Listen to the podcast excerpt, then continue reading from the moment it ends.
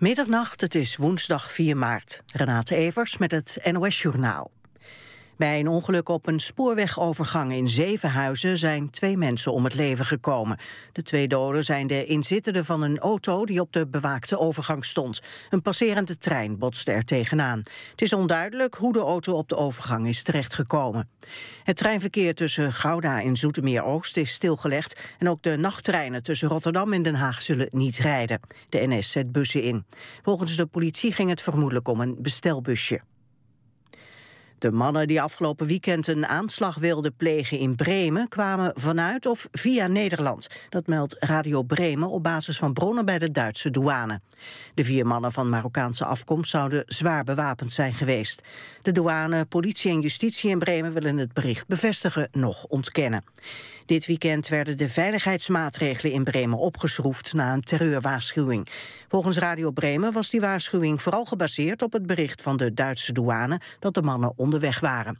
Ze zouden van plan zijn geweest om zaterdagavond in de stad een aanslag te plegen. De politie is nog op zoek naar de mannen. De pro-Russische opstandelingen krijgen in Oost-Oekraïne hulp van ongeveer 12.000 Russische militairen. Dat heeft de bevelhebber van de Amerikaanse troepen in Europa, generaal Hodges, gezegd.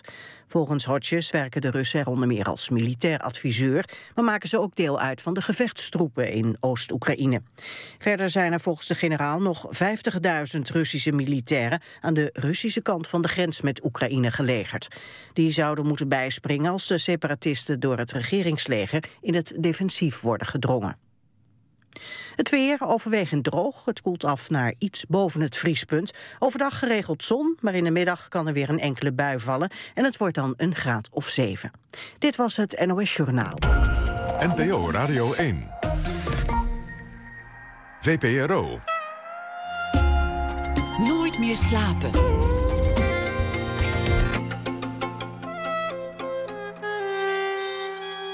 Met Pieter van der Wielen.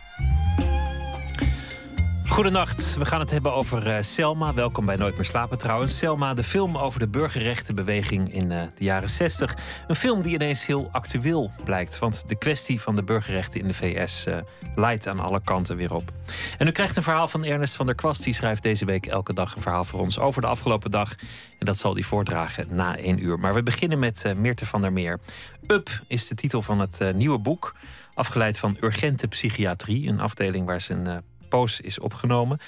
Volgende week is het uh, Boekenweek en het thema van de Boekenweek is waanzin. En Meerte heeft haar deel in dit leven al gezien. Eerder schreef zij het succesvolle boek Paas, psychiatrische afdeling Algemeen Ziekenhuis, over een uh, opname al daar. Meerte van der Meer is een pseudoniem. Ze werd geboren in 1983 in Den Bosch, studeerde archeologie, werkte een tijd als redacteur op een uitgeverij. Ze schreef ook een roman, Kalf. En uh, voor eerder werk won zij de FIFA 400 Award, de Psychemediaprijs. En uh, kreeg ze tal van uh, zeer lovende recensies. Welkom, Meerte van der Meer. Dankjewel. De week van de waanzin. Zou je ja. zeggen dat je zelf gek bent of gek geweest? Um, weet ik niet. Lastige vraag. Ja, dat gaat ervan uit dat ik weet wat normaal is. Het is een moeilijke kwestie. Hè? Wat is eigenlijk waanzin? Ja, en wat is eigenlijk normaal? Dat zijn toch wel de tegenovergestelden. Dus ja, gek, gek. Ik ben wel redelijk ver van het padje af geweest, dat zou je wel kunnen zeggen. En dat werd dan twee keer beloond met een opname. Maar ja, echt waanzinnig denk ik niet. Ik was nooit de controle helemaal kwijt. En dat is volgens mij wel een belangrijk teken van waanzin. En de greep op de werkelijkheid, dat is denk ik ook een. Uh, ja, een die ben ik wel een paar keer redelijk. Uh, nou, die werd redelijk los, maar greep op de werkelijkheid. ja. Kun je dat omschrijven, een baan, voor, voor mensen die het nooit echt hebben gehad? Ja, ik heb dus wel uh, last van hallucinaties en van wanen. Hallucinaties zijn gewoon dingen die je ziet, die er niet zijn, die je hoort, die er niet zijn. Dat komt eigenlijk best wel vaak voor. Je vergist je eventjes. Ik heb altijd, ja, mijn hersens vergissen zich. Ze zien iets wat er niet is. Of ze horen muziek terwijl het eigenlijk gewoon straatlawaai is. En een waan is meer als jij iets ziet of denkt of hoort wat niet is en daar ook in gelooft. Dus bijvoorbeeld de waan dat je kunt vliegen of dat je Napoleon bent. Dat is een hele bekende. Maar ook wanen komen bij iedereen voor. Iedereen heeft wanen. Alle normale mensen hebben wanen. Dus eigenlijk zijn wanen ook heel normaal. Het is alleen de vraag hoeveel last je ervan hebt. Waar kun je het mee vergelijken? Iets wat iedereen dan wel heeft meegemaakt, waar een waan al een beetje begint. Nou ja, een echt voorbeeld van uh, een hallucinatie bijvoorbeeld is... je kijkt een enge film, heel eng, veel te laat s'avonds. Je bent helemaal alleen thuis, het huis is donker en dan moet je naar bed. Dus je gaat uiteindelijk toch maar de trap op naar boven. En dan zie je ineens een man in de gang staan. Nou, je hebt net die film gezien met heel veel horror-elementen. Dus je schrikt je helemaal te pletten. Dat is gewoon de kapstok. Nou, na de eerste schrik zie je, ach, het was de kapstok. Dat is een hallucinatie. En een waan die net zo vaak voorkomt. Dus je komt thuis, je legt je sleutels op tafel waar je ze altijd neerlegt. Je gaat dingen doen. Even laten weer naar buiten zijn de sleutels weg.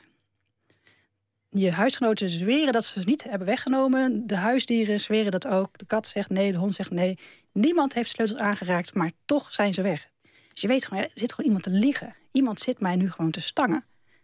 Echt, iemand probeert mij gek te maken. Dus je wordt woest, je geeft een schop tegen de kat, schreeuwt tegen de kinderen, stormt het huis uit, gist de jas van de kapstok en dan voel je in je jaszak je sleutels. Dit, is, dit heeft iedereen meegemaakt, het is herkenbaar. Is in wezen al een beetje een waan. Het is al een waan, omdat jij hebt al helemaal, je hebt helemaal gehallucineerd dat jij de sleutels daar neer hebt gelegd. Jij ziet dat plaatje gewoon voor je. Ze lagen daar echt. En je gelooft erin. Dus je gaat ook allemaal emoties aan koppelen. Dus als ik ze daar echt heb neergelegd, dan heeft iemand ze weggehaald. Dus iemand zit te liegen, dus word ik boos. Aan het begin van uh, het, het, boek uh, vertel je dat je een gesprek hebt met de psychiater, de behandelend arts in het ziekenhuis. Dat je denkt dat het een laatste gesprek is. Nog even gedag zeggen en dan mag je weer naar huis. Ja, dat was ook al een waan. Ik Want je wordt opgenomen omdat je suicidaal bent. Totaal anders dan de werkelijkheid in je hoofd op dat moment. Ja, ik dacht het gaat nu zo verschrikkelijk goed met mij. Ik ben gewoon patiënt af, ik ben beter, ik ben klaar. Dus ja, ik kan nog wel patiënt blijven, maar dat heeft niet zoveel zin. Ik heb toevallig een afspraak staan vandaag, dus ik ga daar naartoe. En dan, om het eventjes netjes af te ronden. En dan ga ik naar huis. En dan is alles goed. Maar de psychiater die vond dat nogal bijzonder. Want die wist dat ik de maanden daarvoor tot de week daarvoor zwaar depressief was geweest. Dus die vroeg, hoe kan dat, die overgang? Ik was het hele depressieve deel al vergeten. Dat zat heel ver weg in mijn geheugen, want dat kon ik niet meer voelen, want ik voelde me geweldig. Dus vroeg hij door van, ja, wat ga je dan doen thuis? Ik zei, nou ja, ik heb dus allemaal pillen en daar ga ik dan dingen mee doen. Nou, toen gingen bij hem natuurlijk alle alarmbellen rinkelen. Hij zei, ja, als jij uh, die pillen gaat innemen, dan word je opgenomen. Dus als je zegt dat het heel goed met jou gaat, dat is prima, maar dan lever jij die pillen in. Over definities van waanzin gesproken. Iemand die je moet opnemen om tegen zichzelf in bescherming te nemen. Dat is de, de gangbare definitie van waanzin in onze samenleving. Hoe lang duurt het voor je dan bij jezelf realiseert dat het een waan was? Wanneer komt de gewone werkelijkheid weer binnen en verdrinkt die de waan? Nou, het is uh, niet een waan is niet één groot sluitend verhaal. Een waan moet je steeds aanvullen met nieuwe informatie. Want ik zit daar, ik weet zeker dat het goed met me gaat, en toch word ik opgenomen. Nou, dan moet ik vervolgens in mijn hersens gaan verklaren waarom die twee dingen naast elkaar kunnen bestaan. Dat kan niet. Dus dan kom ik tot de conclusie: oh, maar deze psychiater ken ik niet. Ik kent mij niet, dus hij weet het niet. Dus ik word wel opgenomen, maar dat is maar voor een paar dagjes. Tot hij doorheeft dat het ook gewoon goed met me gaat. En dan kan ik naar huis. Dus je blijft erin geloven. Ja, je, je bouwt het steeds verder uit. Juist als de waarheid niet klopt met jouw geloof, ga je steeds meer bruggetjes tussen beide verzinnen.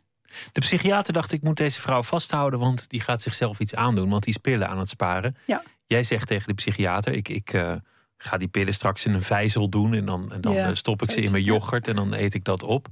Dus je bevestigt dat verhaal, maar toch is het in jouw verhaal niet een poging tot zelfmoord eh, waar je voor aan het sparen bent?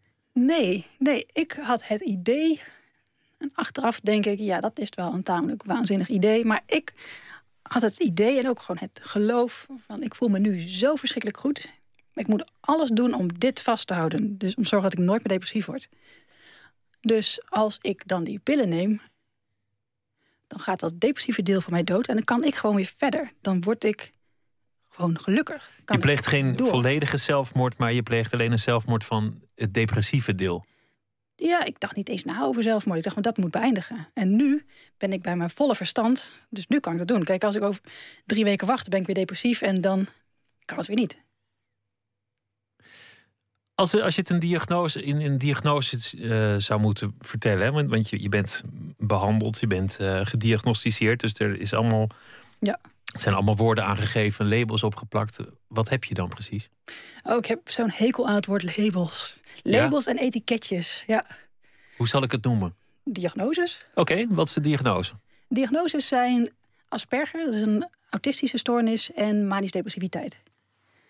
En ja, diagnoses zijn in feite niets meer dan een verzameling van symptomen. Iemand heeft last van deze acht symptomen en die vatten we samen als deze diagnose. En naar mensen met deze acht symptomen hebben we onderzoek gedaan. En uit het onderzoek is gebleken dat bij dit soort mensen lithium vaak een hogere kans van slagen heeft. Het is iets anders dan een label. Een label plak je op iemand, maar een diagnose haalt jou uit die grote anonieme groep mensen die lijden en helpt jou naar een groep die geholpen kan worden. Manisch depressief wil zeggen dat je uh, depressief bent. Uh, neerslachtig, depressief, een, een, een, ziekte. Ja. Manisch wil zeggen dat er ook momenten van euforie zijn. Dat het geluk niet op kan, dat je, dat je ja, barst van energie. de energie. Ja. Hoe, hoe ziet dat eruit? Wat gebeurt er dan? Nou ja, zo ben ik dus opgenomen. Zo begint ook Up, mijn boek. Dat, um, ik had een waanidee.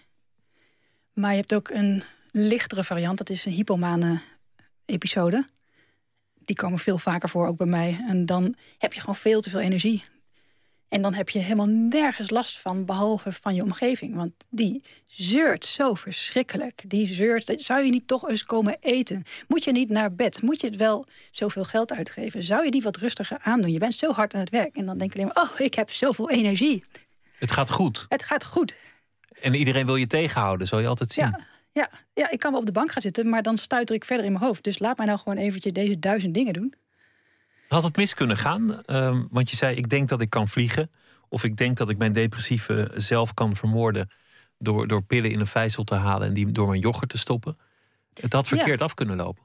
Ja, nou, ik heb het geluk dat ik um, de rapid cycling variant van manisch depressiviteit heb. Dus dan duren episodes vrij kort paar dagen misschien, of misschien een paar weken. En dan gaat het weer naar normaal stand of naar depressief. Of... Maar de meeste mensen die meest depressief zijn, die hebben episodes die veel langer duren. Dus die kunnen gewoon drie maanden lang manisch zijn. En als je drie maanden lang in een waanidee rondloopt, dan heb je natuurlijk een heel erg groot probleem. Daar kom je niet op eigen kracht uit. Er zijn natuurlijk heel veel mensen die zelfmoord plegen.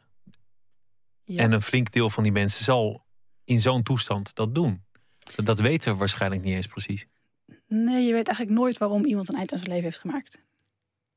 Ook al weet je, ja, hij was al depressief, maar je weet nooit precies waarom dan toen. Dus dat weet je sowieso niet. Maar wat lastig is van manische depressiviteit is dat mensen die depressief zijn, die lijden aan zichzelf en aan het leven. En die praten daar ook meer over. Die zeggen dat tegen behandelaren. Ik heb nu al twee weken lang geen zin meer in het leven. Maar iemand die hypomanisch of manisch, die voelt zich of geweldig, of die heeft een waanidee wat in feite altijd begint met niemand mag dit weten. Maar je kunt vliegen. Niemand mag dit weten, maar jij bent Jezus. Hoe ver ben je gegaan? Want je hebt pillen gespaard, maar, maar Ja. met bijvoorbeeld het vliegen. Heb je dat daadwerkelijk geprobeerd? Nou, ik dacht, ik heb dan blijkbaar het geluk dat ik ook Asperger heb. Asperger is eh, nou, een mega controlerende aandoening, als je het zo kunt noemen. Dus als mijn eh manisch-depressieve helft denkt, joh, ik kan vliegen. Dan denkt mijn Asperger-helft van, ja, maar dat gaan we dus wel eventjes verstandig aanpakken. We beginnen met een krukje. En als dat niet lukt, dan kun je toch niet. Dan is het gewoon een waanidee. Een krukje lukt niet. Denk nou, oké, stoel. Stoel lukt ook niet. Ik heb geprobeerd van een ladder, dat werkte ook niet. Wat lukt er niet? Het lukt niet om te springen. Nou, niet om te vliegen, wel om te springen. Maar je springt en dan, dan land je gewoon als ieder ander. Ja, dus dat was dan een soort lichte teleurstelling. En dat voel je dan ook van, oh mijn god, nu komt er toch geen twijfel aan dat idee dat ik heb, aan dat geloof. Want ik weet zeker dat het kan, maar het kan niet. Tot je hersenen dan weer een nieuw bruggetje vinden van, ja, het is ook te laag. Het is veel te laag. Je moet de ruimte hebben om dan zo'n zweefduik te kunnen maken en dan weer hoogte te winnen. Dus natuurlijk werkt dat niet. Je hebt er wel herinneringen aan. En je, je kunt ook vanuit de waan beschrijven, nu in goede doen, Ja. hoe dat ging. Dat is opmerkelijk dat het kennelijk wel in je verstand volledig is opgeslagen. Ja, ik onthoud eigenlijk alles wel. Dus ook dat. Ik weet dat veel mensen die bijvoorbeeld psychotisch zijn, die kunnen zich na afloop heel weinig meer herinneren. Of willen ook gewoon niet herinneren hoe ver ze heen zijn geweest, wat ze allemaal aan idiote dingen hebben gezien of gehoord. Vooral ook omdat aan die herinneringen vaak ook dan de bijbehorende angst gekoppeld zit. Maar ja, ik herinner het me altijd wel, maar ik merk ook dat ik me dan de gebeurtenis herinner en niet per se het gevoel. En ook niet de redenering terug kan halen. De redenering kan ik wel terughalen. Ja, wel. Maar het gevoel, echt, hoe het. Kijk, als ik me goed voel en ik denk aan depressie, denk ik, ja, depressie, vervelend. Ja, niks willen, niks kunnen, moe lijf, moe hoofd. Eigenlijk wil je gewoon onder je bek gaan liggen en dekens over je hoofd trekken. Maar hoe dat dan echt voelt, daar kan ik niet meer bij. Hoe is het nu? Want je, je bent dit keer ook ontslagen. Dat is al eerder gebeurd. Je, je beschrijft je, je, terugkeer in het, in het boek. Ja, maar een deel, ja. Een deel van wat je beschrijft, van die diagnose, daar zal je nooit helemaal van afkomen. Nee, allebei helemaal niet. Nee. Helemaal niet zelfs. Nee. Het zal altijd zijn. Betekent dat dat het gevaar altijd op de loer zal liggen dat je weer zou worden, worden opgenomen? Aan de ene kant wel. Aan de andere kant denk ik ook dat ik nu zoveel meer weet over die diagnoses en over mezelf, dat die kans steeds kleiner wordt. Want je kunt op de een of andere manier het beheersen. Nou ja, ik weet nu meer hoe ik omheen moet leven. Dat is het denk ik vooral. Hoe dan? Nou weinig stressvolle dingen doen. Dat houdt het asperger een beetje in toom. Als ik merk dat ik te veel energie krijg of te veel leuke plannen. En ook als mijn vriend daar een opmerking over maakt, dan moet ik gewoon luisteren. En niet gewoon denken van ja, praat maar lekker verder. Ik ga gewoon doen waar ik zin in heb. Dit kan ik nu, dus ik doe het. Want aan het begin van je vorige boek Paas begon het eigenlijk met een burn-out. Je had vakantie nodig. Je moest er eventjes uit.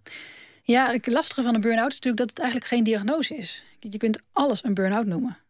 En dat is een soort. Dat zegt net zoveel als ik heb een allergie. Ja, kan van alles zijn. Dus wat ik toen een burn-out noemde, dat bleek achteraf een depressie te zijn. Die er al veel langer zat, waar ik al jaren mee rondliep. Die steeds weer terugkwam, omdat ik achteraf gezien manisch depressief bleek. Ja. Maar goed, nu weet je dat. Dus nu weet je ook dat als je in een periode zit waarin je ehm, euforisch veel energie hebt, dat je jezelf moet temperen, dat je jezelf moet Ja. tegenhouden. Ik heb bovenop mijn eh, laptop een post-it geplakt met daarop heel groot nee. Dus nee, geen leuke dingen kopen als je dat leuk lijkt. Denk er een dag over na. Kijk, als ik hypomaan ben, dan wil ik altijd meteen alles hebben van dat wat op dat moment mijn hobby is. Dan wil ik al helemaal niet een dag over nadenken. Want ik weet ook, als ik er een dag over nadenk, dan kom ik morgen tot de conclusie dat het eigenlijk helemaal niet zo essentieel was. Hoe lang is het geleden dat je ehm, ontslagen bent? Eh, even denken. 2011. Toen eh, ging ik weg uit de paas. Ja, eind 2011. Wil dat zeggen dat het sindsdien goed gaat? Ja, nou, ik vond een stuk beter dan toen ik er zat. Dat is niet zo moeilijk, want het, Nee. het boek, daar zullen we straks wel op terugkomen, laat zien dat, Ja. het, dat, het, dat het niet een hele vrolijke tijd was, al met al. Het is niet alleen maar leuk, nee. Een psychiatrische opname. Laten we het ehm, straks daarover hebben, maar we gaan eerst luisteren naar Dana Koorts, want er komt een nieuw album uit van de Amerikaanse zangeres. De titel daarvan is Rise and Fall en het nummer dat we draaien heet It's How You Hold Me.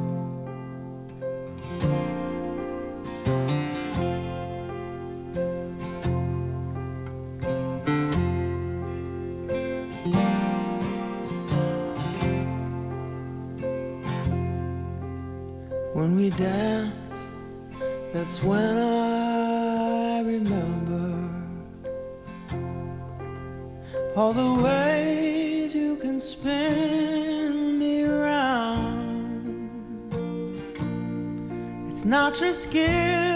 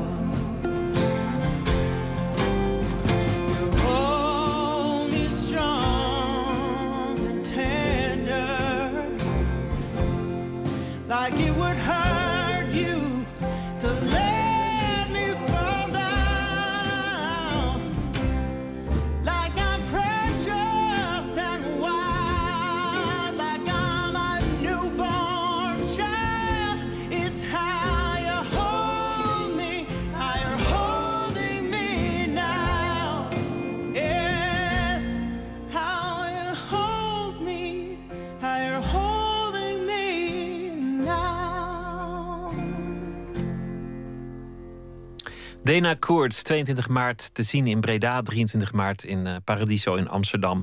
Van het nieuwe album Rise and Fall, It's How You Hold Me. Nooit meer slapen in gesprek met Meerte van der Meer. Naar aanleiding van haar boek, psychiatrische roman Up is eh, Ja. de titel daarvan. Je zei, ik kan het wel beheersen, eh, maar het zal nooit helemaal weggaan. Een ander deel van de diagnose is Asperger. Een, Ja. Ook een sociale stoornis. Wordt Ja. vaak vergeleken met autisme. Dit is, Het is een autistische stoornis. Dan, er wordt vaak gezegd de lichtste variant. En dat zeg ik dan zelf ook. Alleen er worden weer heel veel mensen boos. Maar dat zie ik wel zo, ja. Er is de, de documentaire gemaakt, voor, voor wie hem gezien heeft, de, de regels van Matthijs. Ja. eh, Een paar jaar geleden. Een heel indrukwekkende film over een jongen met een vrij zware vorm van autisme. Ja. Kun je het daarmee vergelijken? Nou, hij, heeft, hij had ook Asperger, maar dan ehm, een zwaardere variant. Dat sowieso. En hij liep vast in het feit dat hij zijn huis helemaal wilde hebben zoals hij wou. Maar het was een huurhuis. En dan krijg je ineens alle mensen over je heen van woningbouwverenigingen, sociale voorzieningen enzovoorts. Die liep daar helemaal in vast. Ja, hij wilde zijn, zijn doucheputje eh, zuiniger maken door het warme water her te gebruiken voor de cv-ketel. Ja. Boorde alle muren kapot en eh, werd zijn huis uitgezet. En Ja.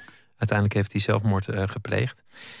Wat betekent dat nu voor jou, zoals jij nu hier zit? Want, want op mij kom je voor, vermaakt normaal over. Eh, eh, je je zit, zit hier grapjes te maken, je gezellig te praten, al dat soort dingen. Maar Ja. kost dat moeite? Nee, interviews kosten nooit moeite. Ik vind interviews echt de, de beste manier om een gesprek te hebben met iemand. Beter dan een normaal gesprek met, Ja, met je, met veel je beter. vader of, of met je moeder. Of... Ja, als je normaal gesprek hebt met iemand, of het nou één op één is of tijdens een feestje, dan moet je continu niet alleen luisteren naar wat iemand zegt, maar ook naar hoe iemand het zegt. Dus de intonatie, de blik, Eh, de houding, hoe past dat in de rest van het verhaal? Wat is de subtekst? Wat hoor ik niet, maar hoor ik wel te horen en moet ik daarop reageren? Wat moet ik onthouden? En bij interviews is de vraag de vraag. Het gaat echt alleen maar om de woordjes. De context is volledig duidelijk. Er is geen context. Betekent dat dat niks vanzelfsprekend is voor jou in, in sociale contacten? Betekent dat dat je alles moet bedenken, dat je eigenlijk alles moet rationaliseren? Ja, ja. Ja, ik dacht dat iedereen dat moest. Ik leerde pas later dat dat dus blijkbaar een wat minder efficiënte manier van leven is en dat heel veel mensen daar geen last van hebben. Dat Was het bij dat- anderen gewoon vanzelf gaat. En dan denk ik, nou, dat vind ik dus raar. Dat dat dus allemaal vanzelf gaat. Je wist als kind niet dat het bij jou anders werkte dan bij ieder ander. Nee, nee. Ik wist alleen dat ik er veel moeite mee had. Dat het mij ontzettend veel energie kostte. Maar dan vroeg ik me vooral af, waarom kan ik dit dan niet? Oh. Ja, en als kind dacht ik dan al snel in de bestraffende zin van... nou, dan zal ik het wel fout doen. Dan zou ik het wel niet kunnen. Nou ja. Wat is in essentie het verschil? Je kunt eh, al die andere dingen die gaande zijn, behalve strikt de vraag en het antwoord, niet vanzelf voelen of ervaren. Dat moet je, moet je rationaliseren. Kun, kun je dat uitleggen? Ehm, nou ja, ik ijsbeer heel veel. Een paar uur per dag, vooral als ik dingen moet doen. En dan ben ik dus continu bezig met bedenken... hoe ga ik dit zeggen? Hoe ga ik het zo goed mogelijk samenvatten... dat het in één keer duidelijk wordt? Wat als ik die vraag krijg? Oh, dan zou ik dit antwoord moeten geven. Hoe zorg ik ervoor dat dat antwoord zo duidelijk mogelijk is? Ik ben continu bezig met het vinden van de juiste vorm voor de inhoud. En ook continu bezig met het observeren van mensen. Vroeger nog veel meer dan nu om dan te leren wat ze bedoelen met deze blik. Of wat ze bedoelen als ze dat zeggen. Maar, dingen als, als humor en ironie zijn voor jou geen enkel probleem. Nee, heel veel mensen met Asperger die hebben veel gevoel voor humor. Juist omdat je, als je zo bezig bent met het onlogische van de wereld, wat ongeveer alles is logisch maken, dan zie je hoe absurd het leven is. Dus bijna elke nou, autist of bijna iedereen met Asperger heeft ja, toch wel een behoorlijk goed ontwikkeld gevoel voor absurdistische humor. En wrange humor ook eh, hier en Ja. daar in je boek, zeker. Ja. En verliefdheid, werkt dat hetzelfde als bij ieder ander? Want je hebt al vrij lang dezelfde vriend. Ja, ik denk het wel. Ik Want dat is toch bij uitstek het, het terrein van Onlogica. Ja, onlogica en, verborgen bedoelingen en, en eh, lichamelijke signalen, noem maar op. Ja, ja, heel complex, heel complex.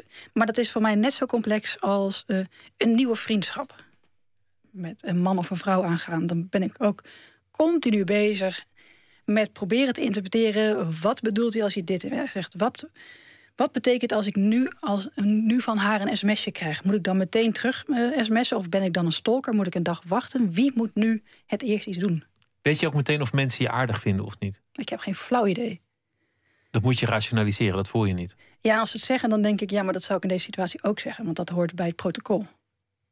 Dat is bij uitstek iets wat je niet zegt. Of je iemand aardig vindt, dat komt later. Maar dat merk je wel of iemand je gunstig gezind is of niet. Ik heb nog nooit meegemaakt dat iemand na een gesprek tegen mij zei van, nou, dit was echt het allerrottigste gesprek wat ik ooit met iemand heb gehouden. Iedereen zegt altijd na afloop, oh, leuk gesprek, ja. Dan denk ik, ja, nee, dat, dat zegt iedereen inderdaad. Voor veel mensen eh, was je zeker na het verschijnen van eh, het boek Paas toch ook een voorbeeld of, of een, bijna een rolmodel. Mensen vonden je heel erg moedig. Mensen zeiden wat jij hebt gedaan, namelijk over je, je psychiatrische opname en over, over je ziekte praten en zo openhartig zijn en, en zoveel vrijgeven van jezelf. Dat, dat vonden mensen ontzettend knap. Die gaven jou er complimenten voor. En, en nou ja, ik, ik heb hier en daar op het internet nog wel reacties gezien op eerdere uitzendingen die je hebt gedaan op televisie. Dat mensen heel erg vol bewondering waren. Begrijp jij dat? Ehm, ik kan het wel begrijpen als ik heel veel moeite doe, maar dat betekent niet dat ik het met ze eens ben. Want voor jou kost dat helemaal niet zoveel moeite. Nee, ik doe iets wat ik kan. En dat is volgens mij niet de definitie van moed of dapperheid. Voel je schroom alvorens te praten over je psychiatrisch verleden, over, over je wanen, over je stoornissen? Nou, nee. Kijk, als ik erover praat, dan voel ik geen schroom. Als ik dat wel schroom voel, dan praat ik er niet over. Kijk, zo makkelijk is het eigenlijk. Ja, want je doet het ook onder een andere naam en je, ver- je, je verbergt ook natuurlijk, dat is je goed recht, het is een roman tenslotte, maar er zijn dingen waar je niet over praat. Niet over je jeugd, niet over je achtergrond, niet over je familie. Ja, ook dat heeft niks te maken met schroom, maar dat is omdat ik vind het nogal aanmatigend als mensen een boek schrijven over hun leven en dan meteen een hele omgeving mee eh, die beerput intrekken. Want die hebben daar niet om gevraagd. Nee, dat ik een boek wil schrijven over mijn leven, prima. Maar dan vind ik dat het mijn burgerplicht is om het voor de rest van de wereld compleet te anonimiseren. De reden dat ik het aanhoud is omdat ehm, als je zoiets kunt weglaten, dan kun je andere dingen ook weglaten. Dus in die zin hoeft er geen schroom te zijn. Want je kiest natuurlijk nog altijd wat je opschrijft en wat je niet opschrijft. Ja, ik denk in theorie wel. Maar ik heb gewoon alles opgeschreven wat in het boek paste. Dit is gewoon het verhaal. Het staat het verhaal. Alles. Kijk, bij Paas krijg ik inderdaad vaak de vraag: wat is nou waar gebeurd en wat niet. Maar vooral daar bij Paas geldt dat alles wat op de Paas gebeurt, dat heb ik meegemaakt. Dat is daar gebeurd. Dat, ja, daar kan ik niks aan veranderen. Ik kan het alleen maar opschrijven. Een beetje amateurpsychiater vragen zich af of er een groot jeugdtrauma is geweest. Of een acute gebeurtenis die, die de stoornissen in gang heeft gezet. Of dat ze gewoon volledig vanaf de geboorte daar al waren. Ja, amateurpsychiaters doen dat vaak. Ja. Maar Echte de professionals psychiaters niet. Nee, oké. Groot verschil tussen amateurpsychiaters en professionals. Ik maak me trouwens wel mee dat ik dan op een congres gesproken heb... en dat ik dan na afloop echte psychiaters heb die naar me toe lopen zeggen... Oh, leuk gesproken, leuk gesproken, maar jij hebt geen Asperger. Dat zie je zo. En dan denk ik, nou, dat vind ik dan boeiend. Dan ben jij geen echte psychiater. Die discussie tussen professionals die komt ook terug in het eh, boek, in het vorige boek ook al. Ja. Ehm, wat interessant is dat de meeste boeken in de literatuurgeschiedenis over een psychiatrische inrichting. Ik denk dat One Flew over de Koekoesnest Ja. de beroemdste is, maar er zijn er veel meer. Biesheuvel heeft er ook over geschreven, eh, heel veel andere. Meestal hebben ze een vast thema, namelijk de patiënt die vast wil houden aan zijn wilskracht, Ja. die zijn hang naar vrijheid heeft. Ja. En die wil voorkomen dat hij wordt gekneveld door het systeem, de psychiatrie. Ja, beetje eendimensionaal. Bij jou is de toon heel anders. Ja, ik heb dat ik echt een spuughekel heb aan dat soort boeken. Ik vind het echt zo verschrikkelijk. Maar je hebt het volgens mij ook niet ervaren als iets bij uitstek negatiefs. Althans, het was geen leuke tijd, maar je staat niet negatief tegenover het ziekenhuis. Nee. Terwijl mensen, medepatiënten, exact hetzelfde hebben meegemaakt. En sommigen daarvan kwamen naar buiten met... oh, het is de hel. Ik wil nooit meer terug daartoe. Het is zo verschrikkelijk, mensonterend. Denk, dat vind ik nou gewoon boeiend. Want wij lagen op dezelfde slaapkamer. We hebben exact hetzelfde meegemaakt. Alleen, ik denk dat het misschien wel helpt dat ik Asperger heb. Dat ik altijd probeer de bedoelingen van mensen te achterhalen als met mij praten. En ik dus nou ja, niet gewoon rondloop met het idee... ik heb altijd gelijk en als de rest het niet met me eens is... dan zijn dat gewoon eikels. Ik vraag me dan af, oké, maar als je dat iets tegen mij zegt wat ik niet begrijp... waar komt dat dan door? Wat zijn de duizend mogelijke oorzaken hiervoor? Nou, daarvan zijn er toch altijd minstens 500 niet. Jij bent gewoon een eikel. Strikt genomen hebben ze je leven gered.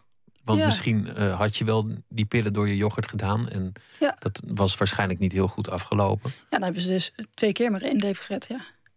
Dus in die zin heb je ook gelijk dat je er niet negatief tegenover staat. Iemand probeert je immers te helpen. Ja. Maar tegelijk wordt wel je vrijheid je afgenomen. En iemand zegt, voor jouw bestwil moet ik jou opnemen. Jij bent niet meer beslissingsbekwaam. Ik neem een tijdje jouw leven, jouw persoonlijkheid over. Dat kan toch geen leuke ervaring zijn? Nee, nee. Kijk, de eerste keer toen ik opgenomen werd op de paas... ik had geen idee wat me overkwam. En ik was depressief, dus ik was sowieso eh, op een punt gekomen... dat ik dacht, ja, maakt me ook gewoon niet meer uit. Het maakt me allemaal niet meer uit. Ik ga toch dood. Maakt me niet uit. Al stop je me eh, in een put. Maakt me niet uit. Toen belandde ik op de paas en toen dacht ik... nou, volgens mij maakt dit mij wel uit waar ik nu ben terechtgekomen. Hoe kom ik hier weer uit? Dat gevoel had ik toen heel sterk. En bij mijn tweede opname wist ik precies waar ik terecht zou komen. En voelde ik mij onnatuurlijk goed, natuurlijk, want ik was manisch. En dat was heel anders, want ik wist heel erg goed... oh, maar daar wil ik niet terechtkomen. Ik wil niet terug naar de paas. Ik wil niet terug. Absoluut niet.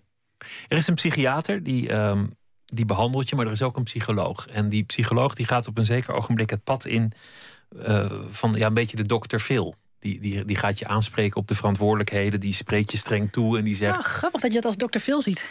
Ja, die, die zegt altijd eh, get over it. En die, die, die probeert eigenlijk die rol. En zegt, Ja. je gaat het mij toch niet aandoen dat ik jou hier weer moet houden. Is dit nou wel wat je wil? Je hoort hier niet thuis. Het is je verantwoordelijkheid. Je, je moet je wilskracht. Ja, uh, gewoon inzetten. waarom heb jij je weer laten opnemen? dacht ik, ja, ik had geen keuze. Ik wou niet. Ik zei nog zo tegen mijn psychiater, ik wil niet. Maar ja, nee. Je werd zelfs boos toen hij dat zei. Ja, heel erg boos.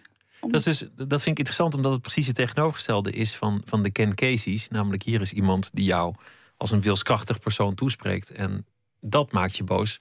Terwijl de meeste psychiatrische romans gaan erover dat je wilskrachtig wil zijn en dat het systeem je alleen maar wil opsluiten. Nou, in de meeste, ehm, de meeste psychiatrische romans en ook films heb je ook dit soort mensen rondlopen. Mensen die eh, totaal niet snappen waar de patiënt op dat moment is. En er gewoon vrij bot met de patiënt omgaan. Nou ja, en soms laten de patiënten dat eh, gewoon over zich heen komen. Had ik ook gedaan als ik depressief was. Ik heb ook in dat gesprek vrij weinig weerstand geboden. In andere gevallen worden ze boos en wordt dat in dat boek het kantelpunt, waarin bewezen wordt aan de lezer: kijk, zo funest is de psychiatrie, zo mensonterend. Kijk, de, de hoofdpersoon had al die tijd gelijk. Gelukkig ontsnapt hij over tien pagina's. En is hij over twintig pagina's gelukkig.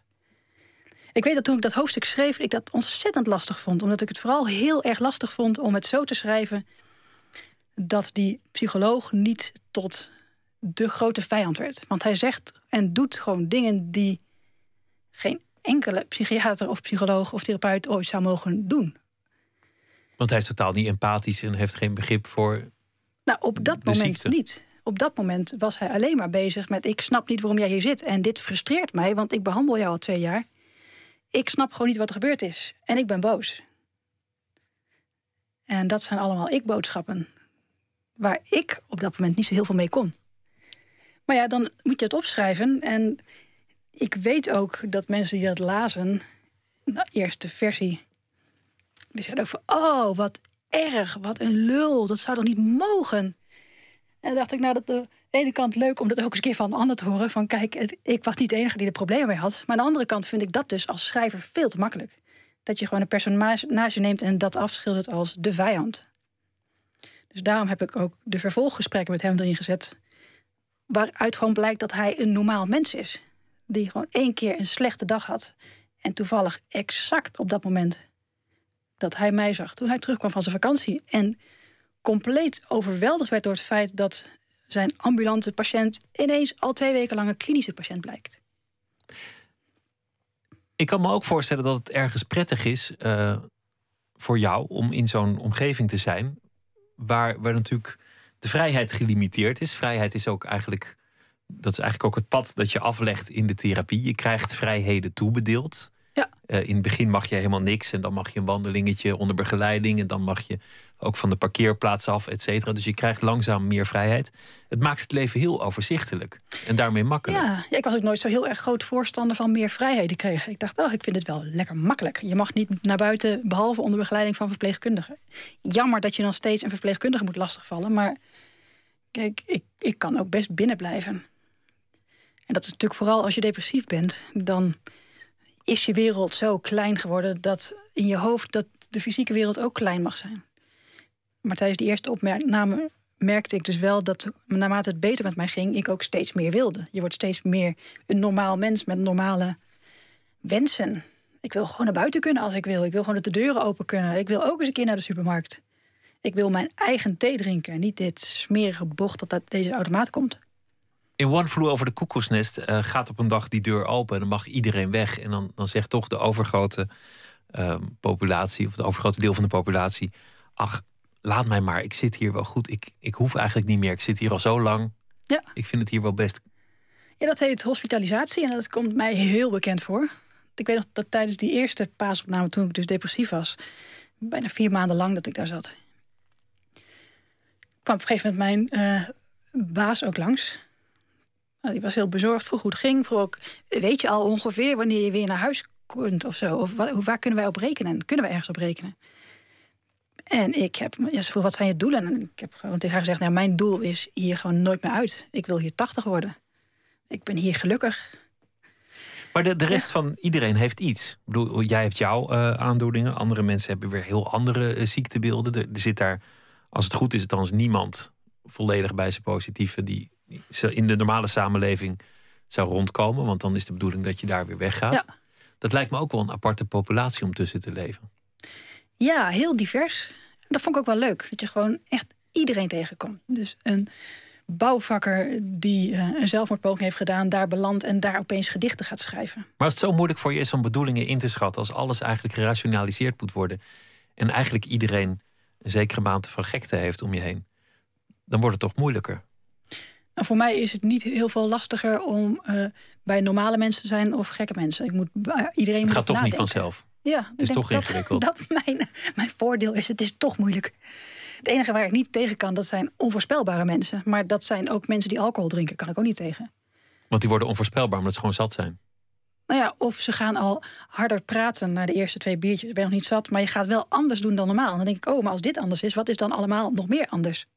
Maar dat is juist volmaakt voorspelbaar. Na twee Nee. biertjes gaan ze harder praten. Ja, maar wat na gaan ze dan nog meer anders doen? Juist. Ja, op een gegeven moment wil je er niet meer bij zijn. Dat is, eh, dat is een Ja, feit. kijk, als één ding anders kan zijn, dan kan dus ook al het andere anders zijn.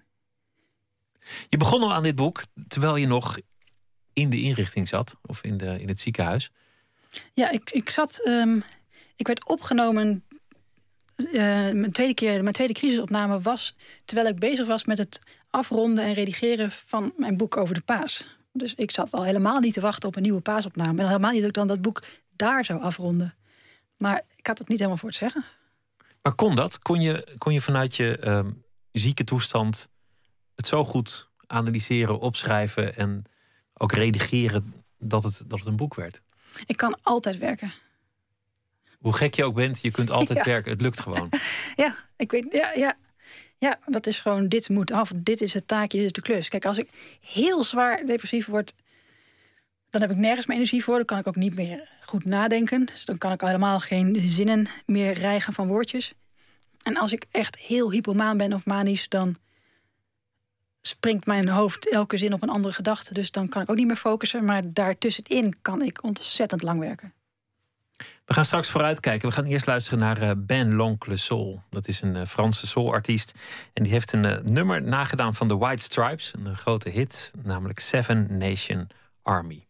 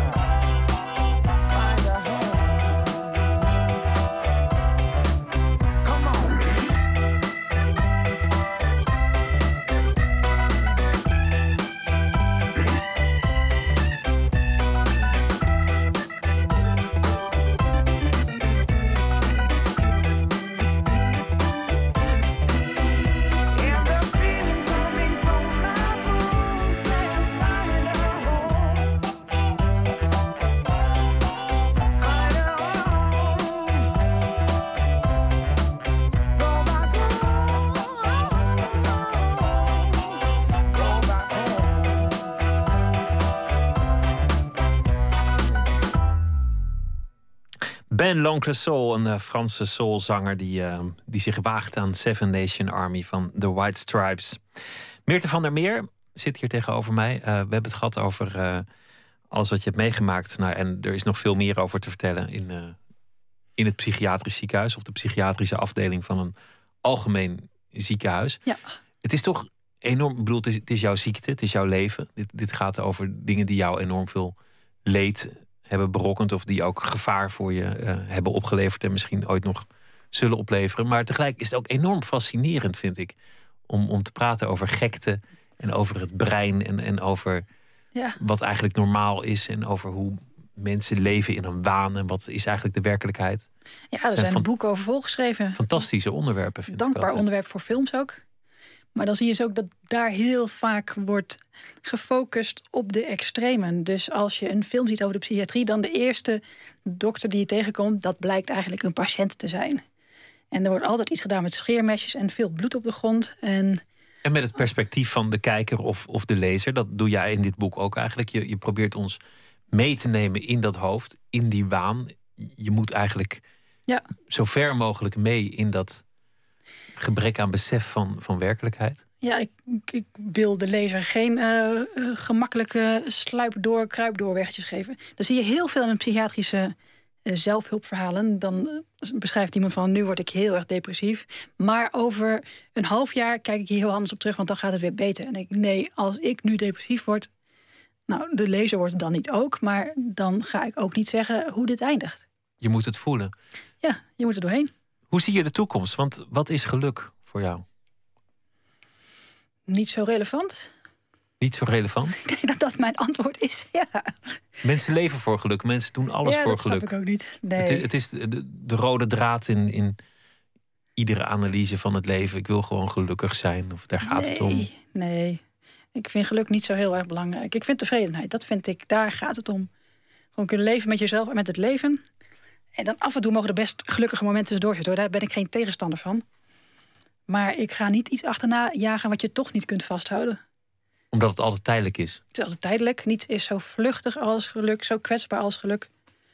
Je kunt niet en gelukkig zijn en een familielid verloren hebben. Maar je kunt wel een familielid verloren hebben en toch nog steeds tevreden zijn met wie je bent. Ook al ben je in de rouw.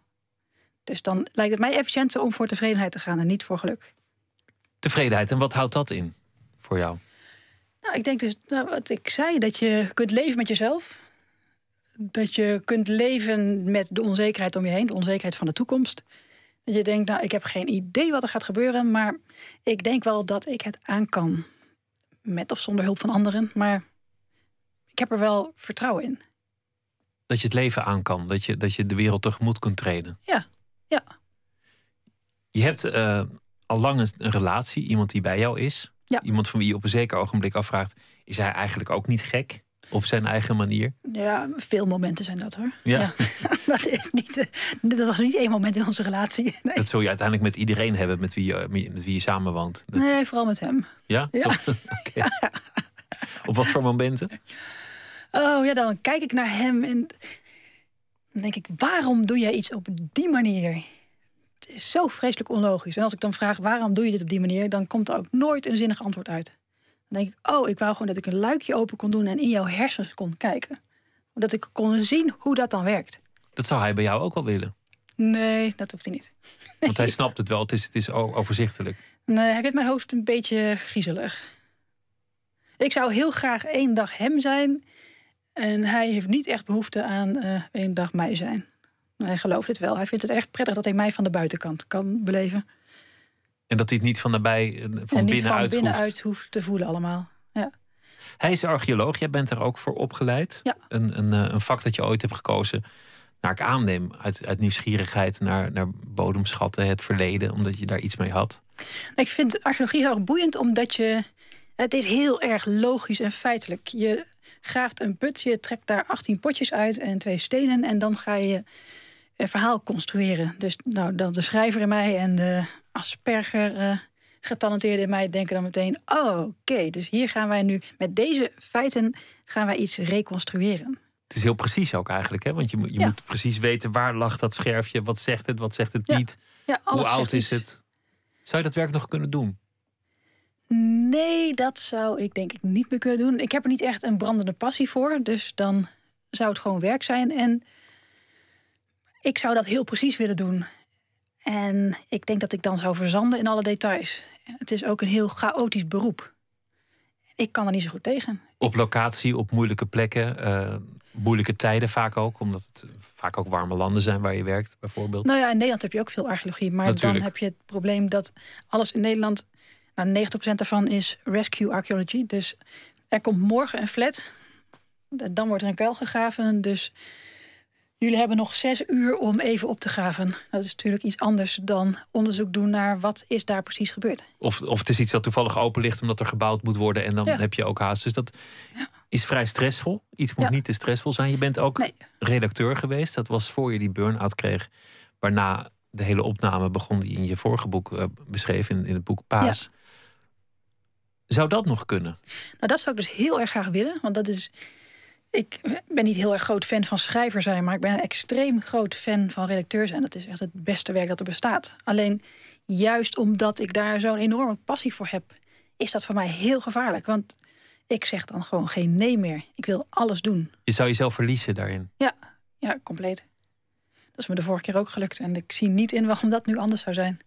Hoe gaat dat? Want dan wil je het heel precies redigeren of je wil de beste zijn of je neemt nee, meer boeken aan. Ik wil gewoon alle ideeën die ik heb meteen omzetten in praktijk. Ik wil alles zelf doen, dus alle flapteksten schrijven voor de achterkant van boeken. Ik wil nou ja, als uitgever of redacteur heb je vormgevers, maar ik wil dan ook al die vormgevers als schetsen voorleggen van wat ik in mijn hoofd heb. Dus dat kost ook tijd. Alle catalogusteksten wil ik zelf doen. Alle boeken die mogelijk vertaald zou kunnen worden, wil ik zelf lezen. Ik wil het gewoon allemaal doen. Ik wil het allemaal kunnen. En ik kan het ook allemaal. Dus dat is het gevaarlijke. Er is geen enkele reden om te zeggen: weet je wat, ik doe het vanavond een avondje niet. Of misschien moet ik het rustig aandoen. Want de enige reden om het nu rustiger aan te doen of nee te zeggen, is omdat ik dan over drie maanden niet zwaar depressief ben. Maar dan is schrijver helemaal een gevaarlijk beroep. Want een, een, schrijver die zit vol ideeën, die moet het allemaal uit zichzelf halen. Die, die bijt zich van nature ook vast in dat boek. Ik ken heel veel schrijvers die je niet niet moet bellen als ze met een boek bezig zijn, omdat ze gewoon ongezellig worden en zich verliezen in dat project? Nee, schrijver is iemand, of in elk geval ik ben als schrijver iemand die tientallen boekideeën heeft tegelijk. En dan vervolgens zeven maanden lang zich helemaal doodergert aan het, het feit dat hij één idee moet uitwerken. Zeven maanden lang. Dat je dus zeven maanden lang niks met al die andere leuke ideeën kunt doen. Je kunt bedenken wat je wilt, maar het mag allemaal niet. Oh, ik heb weer een leuk boek bedacht. Ja, pech. Je, bent gebonden aan dat ene idee tot het af is. Ja, schrijven is ongeveer alles wat redacteur zijn niet is. Als redacteur hou je 30 ideeën tegelijk in de lucht. 10 omslagen, drie Nederlandse schrijvers, nog wat buitenlandse dingen. Alle ideeën kun je direct kwijt. En als schrijver leef je in een chronische file van ideeën. En jij staat altijd achteraan. Je hebt tussendoor een, een roman geschreven die niet echt over jezelf ging. Die in ieder geval ook niet over ehm, psychiatrische opnames ging. Ja. Het boek Kalf. Eigenlijk heeft dat boek minder aandacht gekregen dan het boek ervoor. En dat is jammer, want, want daar laat je toch een andere kant van je schrijverschap zien. De humor die, die, die ik al noemde, die zit daar vrij sterk in. Ja. Het is uh, vrij, hoe zou je het omschrijven? Wrange humor hier en daar. Ja, cynisch, zwartgallig. Cynisch. Deed een beetje aan Herman Koch denken. Ah, ja. Terwijl ik die eigenlijk niet zo cynisch vind hoor, maar dat qua, qua stijl. Ja, daar is het ook wel eens een keer mee vergeleken. Ja, vond ik wel leuk. Om een roman te schrijven tussendoor, zou, zou je dat niet vaker willen doen? Ja, ja nu, uh, ik ben een beetje klaar met de psychiatrie. Ik hoop niet dat er nog een derde opname komt, dus dat er dan Paas deel 3 komt. Ik vind na Paas en Up uh, vind ik het prima. Dus mijn volgende boeken zullen steeds uh, meer roman zijn. Soms wel met uh, waar gebeurde elementen. Maar dat wordt nooit meer één op één non-fictie zoals Up en Paas zijn. En dat allemaal in een leven waarin je streeft naar tevredenheid en waarin je alles beheersbaar zult moeten houden. Dus er zullen altijd mensen om je heen moeten zijn die jou remmen, die, die uh, op je letten. Ja. Die meekijken. Ja, nou, het is meer dat ik moet luisteren naar mensen die op me letten. Dat is. Uh, een groter struikelblok dat mensen dan dat mensen vergeten op mij te letten. Maar als dat lukt en als die mensen er zijn, nu is je vader uh, meegekomen hier naar de studio, ja. Uh, je hebt je vriend, dan kun je uiteindelijk een redelijk normaal leven leiden. Ja, ja. Ja, dat lukt redelijk goed. Ik blijf natuurlijk manisch depressief, dus ik blijf schommelen qua stemming. Er komen nog steeds depressies voorbij. Maar als ik zorg dat ik weinig stress heb of weinig eh, chaos om me heen, als dingen goed geregeld zijn, dan is dat goed te doen. Ik wens je heel veel succes en dank dat je eh, te gast wilde zijn. En veel succes volgende week met alle lezingen, interviews en alles wat gaat komen. Ja, in, de eh, Boekenweek, de waanzin van de Boekenweek. in de waanzin en de gekte van eh, de Boekenweek. Dankjewel, Meerte van der Meer. Oh, graag gedaan. We gaan luisteren naar een nummer van Alex Hyten. Nobody Knows Anything is de titel van zijn tweede album. En het nummer heet Sunlight Burns Your Skin.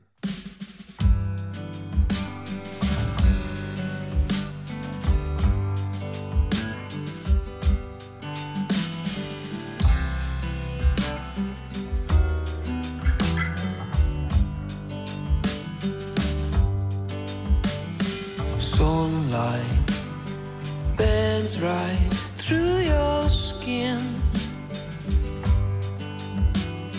You've done too much, and it's done you in. I recall us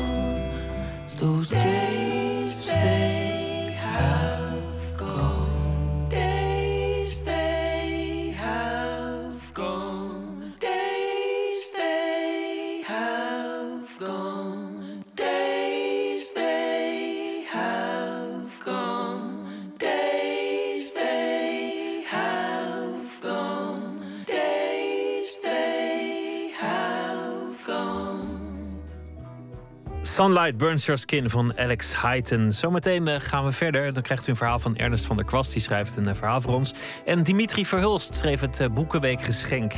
De Vlaamse schrijver van onder andere De Helaasheid der Dingen. We spreken hem zometeen na ene.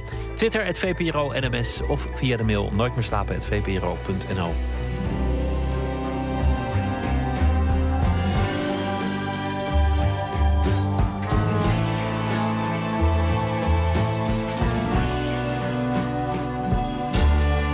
Radio 1. Het nieuws van alle kanten.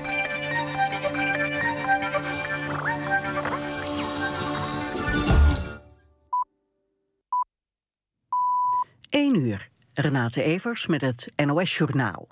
Minister Kamp wil niet voor 1 juli een besluit nemen over de gaswinning in Groningen in de tweede helft van het jaar. Later neemt het kabinet weer een besluit over de gaswinning in 2016. Dat zei Kamp tijdens een Kamerdebat. De oppositiepartijen willen een eerder besluit om zo het vertrouwen van de Groningers terug te winnen en hen niet langer in onzekerheid te laten. De Partij voor de Dieren diende een motie van wantrouwen in tegen het kabinet, maar die werd alleen gesteund door de PVV en 50PLUS. Bij een ongeluk op een spoorwegovergang in Zevenhuizen zijn twee mensen om het leven gekomen. De twee doden zijn de inzittenden van een auto die op de bewaakte overgang stond. Een passerende trein botste er tegenaan. Het is onduidelijk hoe de auto op de overgang is terechtgekomen. Het treinverkeer tussen Gouda en Zoetermeer Oost is stilgelegd en ook de nachttreinen tussen Rotterdam en Den Haag rijden niet. De NS zet bussen in. De Rotterdamse politie adviseert Feyenoord-aanhangers... die hebben meegedaan aan de rellen in Rome zich te melden. Doen ze dat niet, dan maakt de politie beelden openbaar. Dat zei de politie in opsporing verzocht. Twee weken geleden werden bij de rellen voor de voetbalwedstrijd tegen AS Roma... al Nederlandse supporters aangehouden. Maar volgens de politie waren er veel meer mensen... bij het geweld en de vernielingen betrokken. De politie van de Amerikaanse plaats Ferguson is racistisch. Dat blijkt uit een onderzoek van het Amerikaanse ministerie van Justitie. Zo worden zwarte Amerikanen veel vaker aangehouden voor verkeerscontroles... en zijn ze vaker het slachtoffer van politiegeweld. Aanleiding voor het onderzoek was het doodschieten van een zwarte jongen in Ferguson door een agent. Dat leidde in augustus tot rellen. Het weer overwegend droog. Het koelt af naar iets boven het vriespunt. Overdag geregeld zon, maar in de middag kan er weer een enkele bui vallen. En het wordt dan een graad of 7. Dit was het NOS Journaal. NPO Radio 1. VPRO. Nooit meer slapen.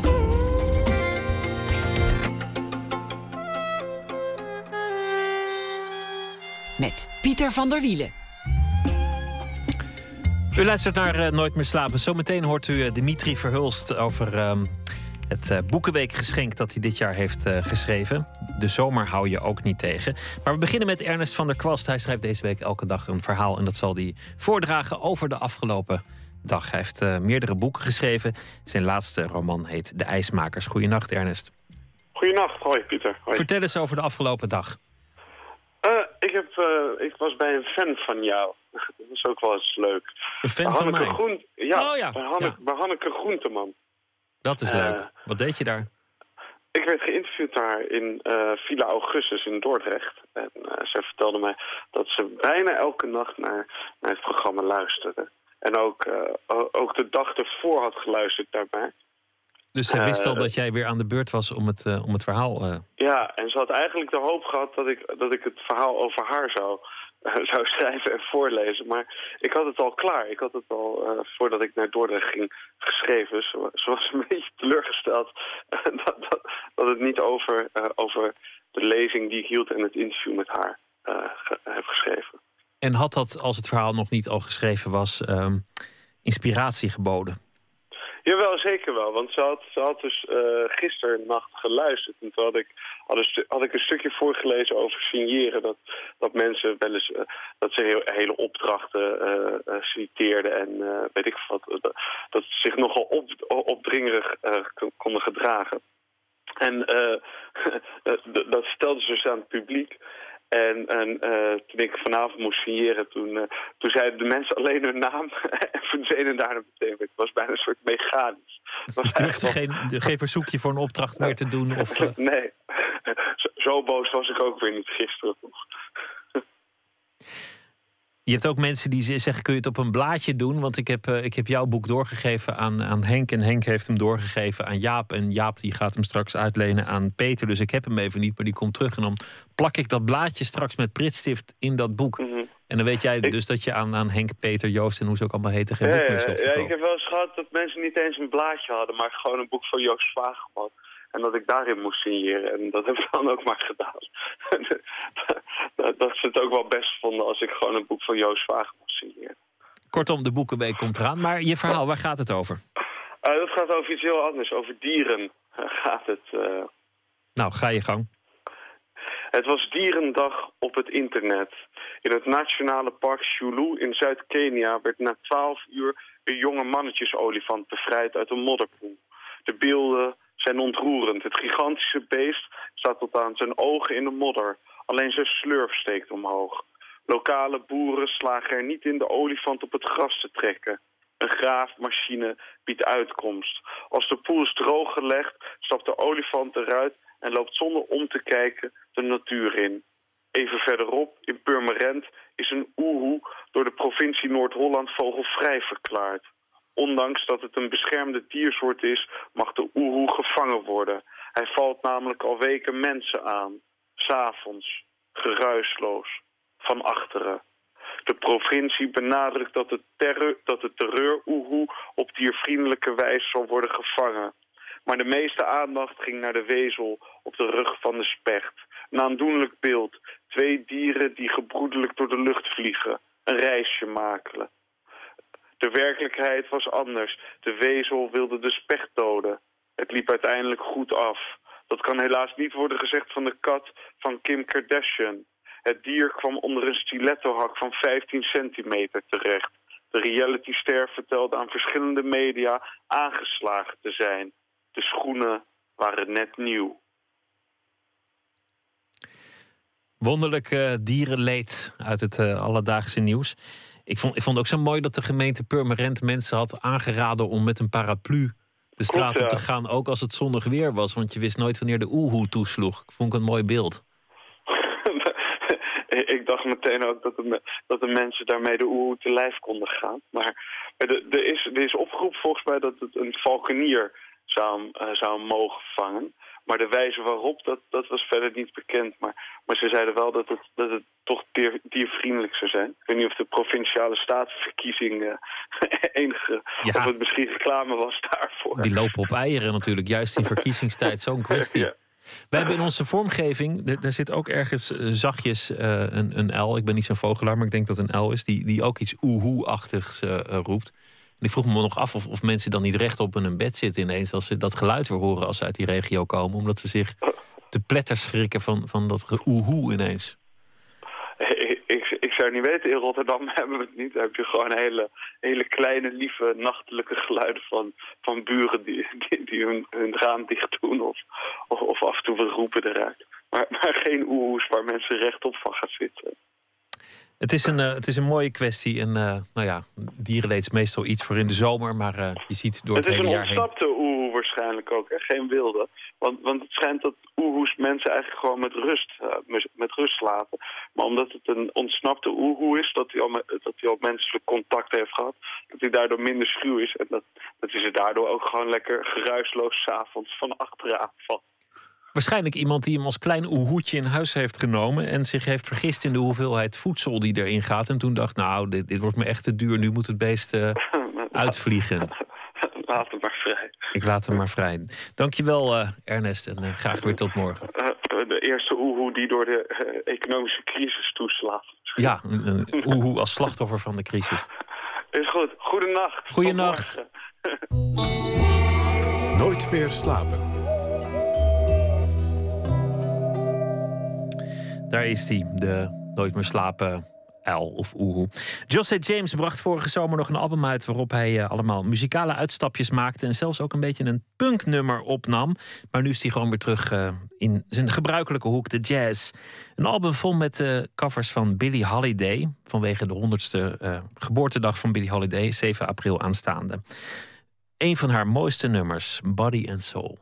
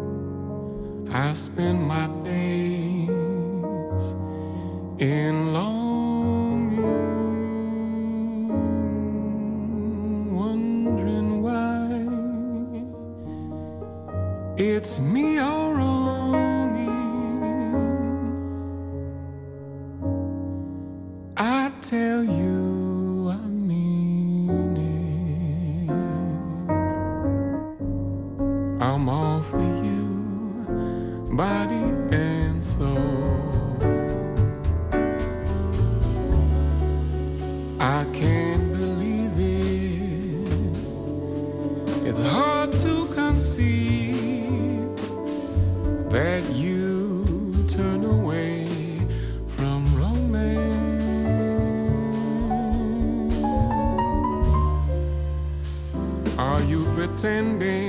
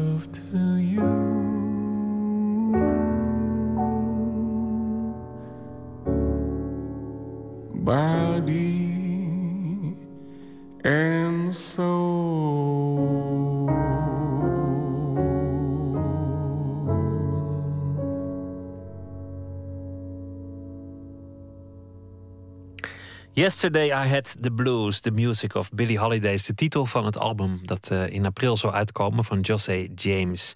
En dit nummer heette Body and Soul. Nooit meer slapen. Het uh, Boekenweekgeschenk zal geschreven worden door, of is al geschreven natuurlijk, door Dimitri Verhulst, de Vlaamse schrijver, auteur van onder andere De Helaasheid der Dingen en Mevrouw, mevrouw Verona daalt de heuvel af. De titel van het Boekenweekgeschenk is In de zomer, de zomer hou je ook niet tegen. En daarin vertelt hij het verhaal van Pierre, een jonge zestiger... die in het gezelschap van de jonge Sonny afreist naar een berg in het zuiden.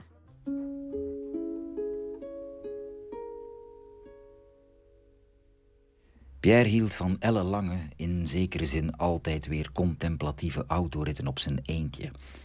En dus gaf het niet dat zijn passagier tijdens deze, volgens de GPS, tien uur durende tocht naar de Provence een zwijgzame, vegetatieve imbeciel was. Sonny heette deze reisgezel. Hij was 15, bijna 16 en rook intens naar talk en ziekenhuis. Sonny. Een uitstekende, mentaal gehandicapte naam, vond Pierre. Geen idee wat de moeder had bezield om zo'n naam aan haar worp te schenken. Sonny Warempel. Uit welke grabbelton met babynamen kon ze die hebben getakeld? Enfin, zeer zonerig klonk het alleszins. Pierre van Toren is een uh, 65-jarige man, zoiets. Een, een, een, een, ja, of hij nu 65 of 64 is, weet ik eigenlijk zelf niet. Een jonge zestiger. Een jonge zestiger, inderdaad. Zo zegt men dat tegenwoordig, staat er dan ook bij tussen haakjes. En dat klopt, zo zegt men dat tegenwoordig. Je hebt ook een jonge zeventiger en een jonge tachtiger, denk ik. Um, die... Um, ja, op een punt in zijn leven is gekomen waar hij vaststelt dat hij uh, anders is gaan denken dan in zijn jonge jaren. En dan in concreet waar hij vroeger resoluut zei van... kinderen zijn niet aan mij besteed, uh, stelt hij vast dat hij nu denkt van... het zou wel prettig zijn geweest indien ik nu wel kinderen had heeft waarschijnlijk ook wel te maken met de eenzaamheid waarin hij verzeild is geraakt. Want alles waar hij van gehouden heeft is verdwenen. Uh, en, en, er blijft niet zoveel meer over. En die dan uiteindelijk uh, zorg gaat dragen op een vaderlijke wijze voor uh, een kind dat niet het zijne is, maar, van zijn, maar wel het kind is van zijn grote liefde die hem destijds had voorgesteld om samen kinderen te hebben. Je hebt in interviews vaak verteld over jouw eigen vaderschap... en jouw in je eigen ogen ongeschiktheid daarvoor. Daar worstelt Pierre ook mee. En die komt dus, nou ja, zoals je het net al beschreef... tot andere inzichten. Dat is een kwetsbare zet die je daar maakt als, als schrijver. En ik vroeg me af waarom je het hebt gedaan. Ik, ik hou wel van een kwetsbare schrijver. Hè. Ik vind uh, integriteit een, um, een heel mooi kenmerk. Het hoeft niet voor mij. Ik bedoel, je, je, je hoeft niet integer of kwetsbaar te zijn om grootse literatuur voor te brengen. Maar voor mezelf, uh, denk ik, is het toch altijd net iets raadzamer om, uh, om mij kwetsbaar en integer op te stellen. Ik heb, ik heb niet het soort talent om uh, grootse boeken te maken alleen maar puttend uit mijn uh, fabuleerzucht. Dus ik moet toch altijd wel um, een zekere emotionele link met mijn onderwerp hebben. Um, en ja, het vaderschap, het ouderschap in het algemeen is, een thema dat mij raakt uh, langs beide kanten. Uh, Zowel het zoon zijn is iets waarmee ik het moeilijk heb gehad in mijn leven, zoals ik het moeilijk heb gehad met het vader zijn. Het zijn twee dingen die ik extreem slecht kan. Uh, zowel het vaderschap als het, als het zoonschap. Ik, ik, ik, ja, ik heb er het talent niet voor. Ik, ik, misluk daar grandioos in. Uh, ik vind dat ook niet erg. Ik leid daar niet onder, maar kan me wel voorstellen dat dat op de leeftijd van 65 bij mij een gevoel van eenzaamheid vind ik nu wel wat groot klinken, een beetje te, te, te zwaarwichtig. Maar uh, iets wat in de buurt komt van eenzaamheid. Ik kan me dat wel voorstellen dat mij dat ooit overkomt. En dat ik denk van, wauw, ik heb eigenlijk die kansen ruim gehad in mijn leven om een gezinnetje te stichten. En, en ik, zou hier nu kunnen genieten van, van kleinkinderen bijvoorbeeld. Wat een, blijkbaar een genot is bij heel veel mensen. Ik zie oudere mensen intens genieten van het feit grootvader of grootmoeder te zijn. Dus dat is, dat is iets, uh, iets menselijks. Dat moet een oerkracht zijn. Er zijn namelijk zoveel mensen die het hebben. Um, en eenmaal aangekomen op die leeftijd zal ik dat waarschijnlijk niet hebben. Dus ik moet daarvoor openstaan dat ik daar een klap op mijn neus ga krijgen. Maar als je je dat nu op die manier kan voorstellen... en je maakt het heel inzichtelijk in dit boek... ervaar je het dan eigenlijk nu al niet? Ik doe bijvoorbeeld ook niet aan pensioensparen. Ik denk dat dat bijna hetzelfde is. Ik weet van, bon, stel dat ik 70 word... Uh, uh, dat, gaat, dat gaat ontzettend moeilijk zijn voor een schrijver. Uh, ik zie het om me heen, hè. oudere schrijvers die echt in financiële nood zitten, die zijn ooit groot geweest, maar je, je blijft niet eeuwig populair. Dus die werken die gaan plots ophouden met verkopen. Uh, tenzij hier en daar een uitzondering, maar dan hebben we het over een uitzondering. Ik ga er niet van uit dat ik bij die uitzonderingen zal gerekend worden. En toch doe ik dat niet, dat pensioensparen. Waarom? Omdat ik enerzijds te lui ben Anderzijds ook uit een soort van uh, gierigheid. Ik denk van ja, bon, als ik dan geen 70 word, dan heb ik dat geld allemaal uitgegeven voor niks. En ik vind het moeilijk om vandaag een harde beslissing te nemen voor iets wat ik later eventueel zou willen. Uh, als ik vandaag iets zou doen, zou ondernemen, dan zou het toch moeten zijn omdat ik het vandaag wil. Ik ben niet zo voorzienig dat ik um, hypothetisch begin te denken voor mijn oude dag. Behalve dus als je een pen of een keyboard vasthoudt. Ja. Ja, maar goed, um, de verleiding zal daar natuurlijk zijn om te denken dat de verhouding Pierre Dimitri Verhulst één op één is. Dat is het natuurlijk zeer zeker niet. Um, mm, maar dat, dat, dat neemt niet weg dat ik het wel prettig vind om daarover na te denken. Om, uh, om een beetje te flirten met een aantal gedachten en daarmee te spelen.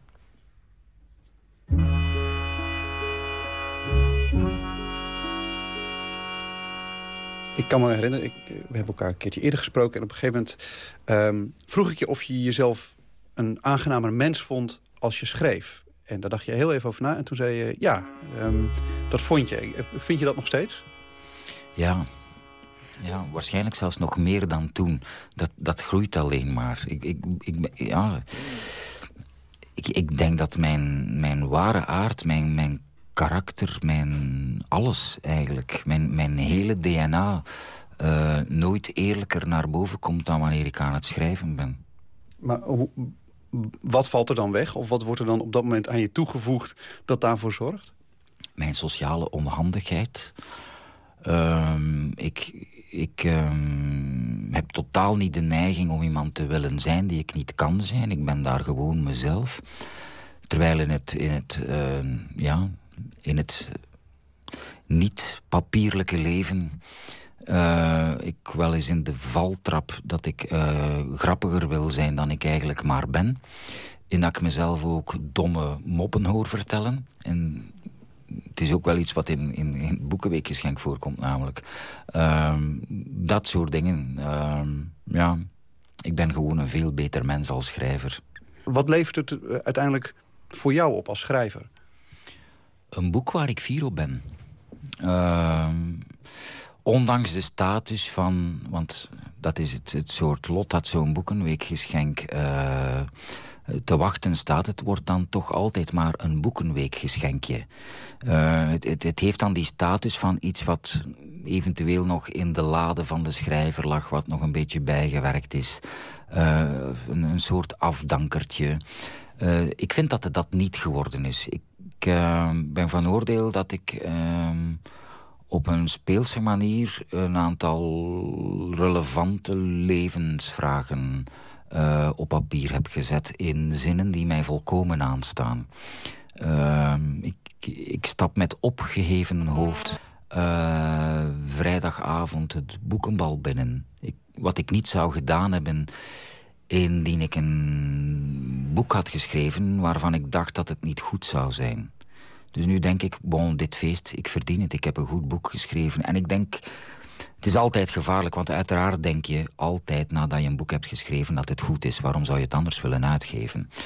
Uh, alleen stel ik vast dat mijn zelfkritiek niet altijd even scherp is dat ik soms een jaar na het schrijven van een boek al door heb van mm, dat was toch iets minder. Daar rammelt iets aan aan dat boek. Zo heb ik een aantal titels waar ik, waar ik minder tevreden over ben. Dat is onvermijdelijk als je schrijft. Ik denk dat elke auteur dat heeft. Maar bij deze heb ik toch het gevoel dat hij, dat hij gaat blijven hangen in mijn uiveren. Dat hij daar een, een, uh, echt een vaste stek in, in verwerft. En dat hij voor een deel ook een soort van summa zou kunnen zijn van, het, het, van mijn uiveren tot nu toe. Een, een, een, spelen met de thema's. Misschien zelfs een beetje een afronden van een aantal thema's. Ik, denk dat ik uh, ben opgehouden met een zoon te zijn. Uh, of, dat maakt mij nog geen vader, uh, maar zoon ben ik af. Dat is voorbij, dat is een, een last die van mijn schouders is gevallen. En ik kan mij ook op dit ogenblik heel moeilijk voorstellen dat dat nog in mijn werk aan bod zal komen. Dat die, die, hele, die hele kindertijd um, uh, voorbij is. De, de, de personages in mijn boeken staan aan de andere kant van de bloedband.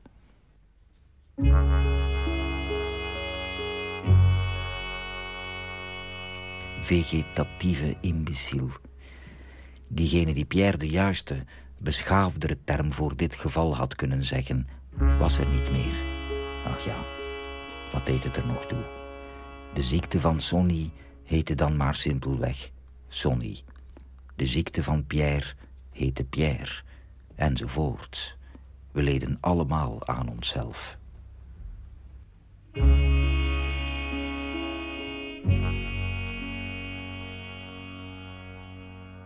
Maarten Westerveen in gesprek met uh, Dimitri Verhulst over zijn Boekenweekgeschenk. De zomer hou je ook niet tegen.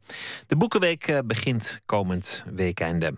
Ze is net 23, de Britse zangeres Marika Hackman, en heeft toch al haar sporen verdiend in de alternatieve folkmuziek. Onlangs verscheen haar eerste album, waarvan we nu draaien het nummer Drown.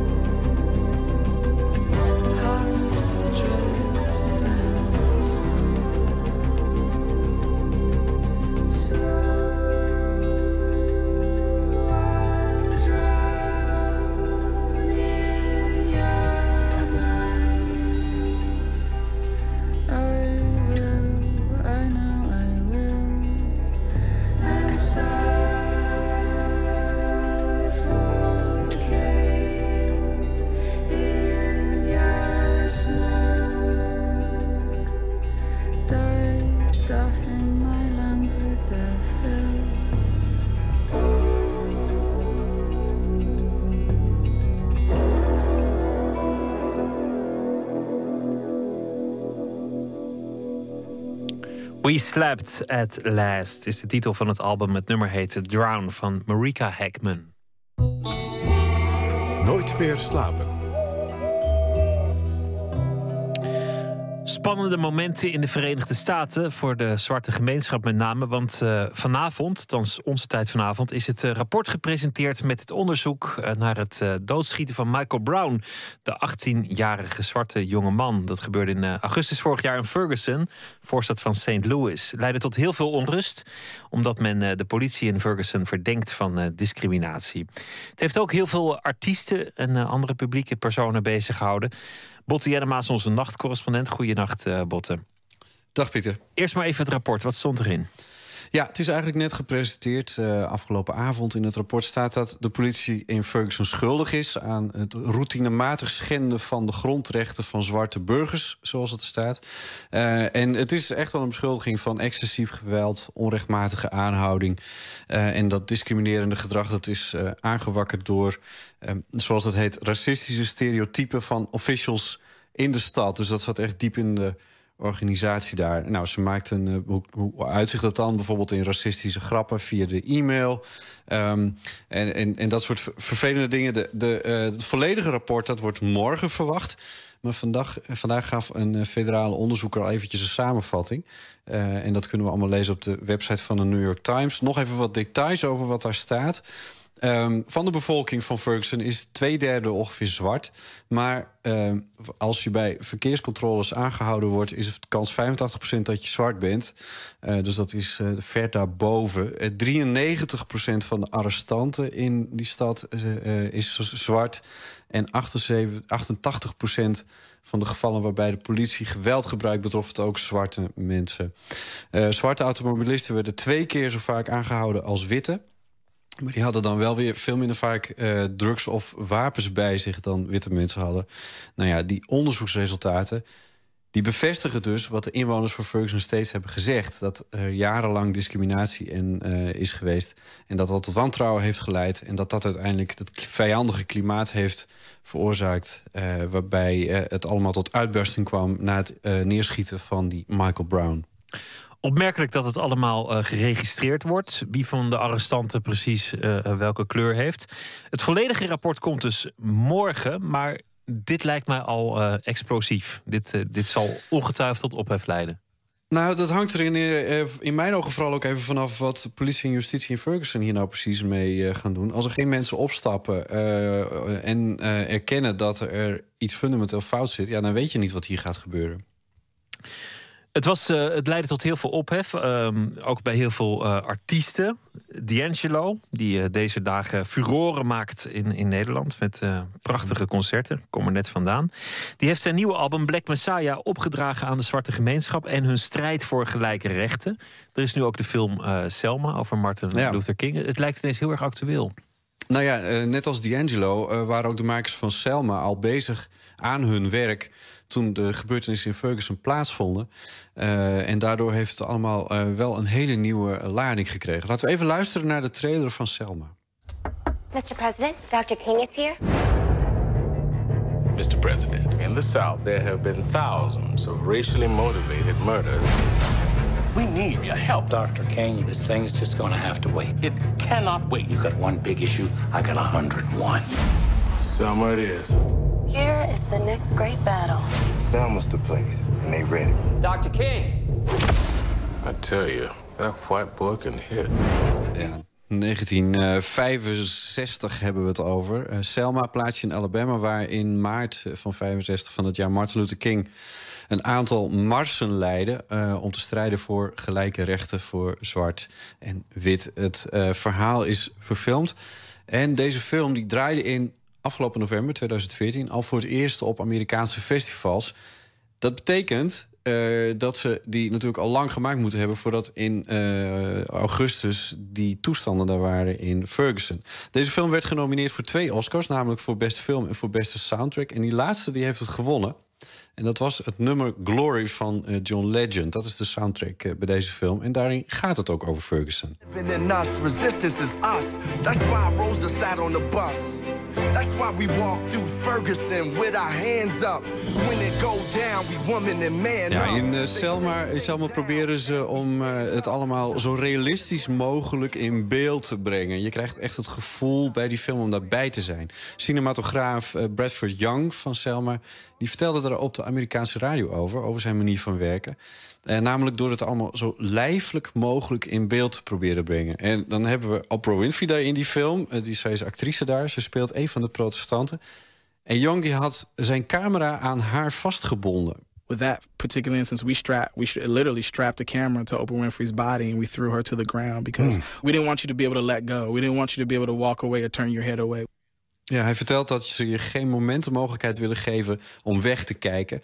Hij zegt dat ze het publiek willen aanklagen. En daarom is het geweld zo nadrukkelijk aanwezig in de film Selma. Um, I think oftentimes, you know, with violence in movies, it's easy for us to turn our head because we found a way to make them entertaining. But we didn't want them to be entertaining. We wanted them to be, we wanted them to be teaching tools. You know, we wanted them to be sort of the groundwork for us to feel something, so that we don't repeat what was happening in the film. Ja, het moet een onderwijzende rol krijgen, zodat de geschiedenis zich niet zal herhalen. Maar, maar het lijkt niet geheel geschiedenis te zijn. Er lijkt nog steeds van alles mis te zijn in de Amerikaanse samenleving. Ja, het verschil tussen zwart en wit is echt een open wond in de Verenigde Staten. Bradford Young is zelf African American. Hij is eh, eh, zwart. En hij ziet op de set dat het heel erg wit is daar. Hij voelt zich niet vertegenwoordigd.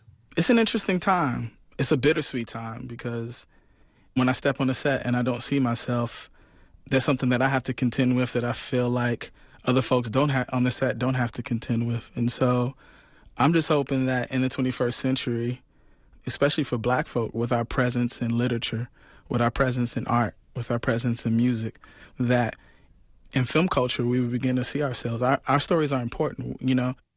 Hij hoopt dat in de 21ste eeuw het verhaal van de zwarte Amerikanen te zien zal zijn. eh, omdat hun verhalen belangrijk zijn. Aanwezig zijn in de kunsten, dus in muziek en literatuur en film, dat helpt. Een film over slaven eh, gaat over een onderdeel van de Amerikaanse geschiedenis. waarvan het helingsproces nog niet klaar is. And so, how can we call ourselves fully realized, fully cultured Americans if we don't know where our next door neighbor comes from? In the film community, I think we are part of the broad conversation around race in America. And I think if you put a microscope on the film industry, we have a long, long way to go. Ja, de filmwereld is onderdeel van die brede discussie over ras in de Verenigde Staten. En eh, ja, hij zegt over zijn wereld, de filmwereld, daar is nog een hele lange weg te gaan. Er zijn veel redenen om Selma te gaan bekijken. De film wordt eh, eh, zeer lovend besproken. Er is ook kritiek en dan ook op de historische werkelijkheid. En dat is een hele oude discussie, namelijk de rol van Lyndon B. Johnson. Was hij nou een tegenstander van eh, gelijke rechten? Of stond hij juist aan de kant van de burgerrechtenbeweging? En er zijn veel historici die zeggen dat hij er eh, slecht vanaf komt in de film en dat het niet terecht is. Eh, ja. Ik ben benieuwd hoe, hoe dat eruit ziet. Ik heb de film nog niet gezien, maar ik ga zeker kijken. Ik zit er nog middenin en het is heel indrukwekkend. Eh, het is een, eh, het is een hele, hele duistere geschiedenis. En eh, zoals die man ook zei, het is belangrijk dat die film nu er is. En ja, misschien dat het toch kanaliserend kan werken. Weet je wel? Dat je geïnspireerd kan raken door zo iemand als Martin Luther King. Als je dat in onze tijd. Het is wel beschouwd. Het is natuurlijk al een behoorlijke tijd geleden. Het is meer dan 50 jaar geleden, zo langzamerhand. Eh, dat je dat eh, ziet. En dat je ziet hoe het op die manier is gedaan om te gaan met deze ongelijkheid. En dat je er wel degelijk iets aan kan doen. En dat het misschien dan ooit beter wordt. Dankjewel, Botte Jellema. Graag gedaan. Soulzanger D'Angelo. Ik eh, noemde het net al eventjes. Hij trad eh, afgelopen avond en gisteravond op in Paradiso in Amsterdam. Het was een fenomenaal concert. Hij kreeg ook alle lof eh, die je maar zou kunnen oogsten van alle recensenten die er ook waren. Vijf sterren NRC, vijf sterren Parool. En het, ik moest iets eerder weg om, om hier op tijd uh, Assepoester te zijn, maar het was fenomenaal. Op zijn laatste album heeft hij het ook over eh, de opstand in Ferguson, The Charade. Daarin eh, zingt hij: All we wanted was a chance to talk. Instead we got outlined in chalk. We wilden praten, maar onze kalklijnen werden om ons lichaam getekend. The Charade, hier is D'Angelo.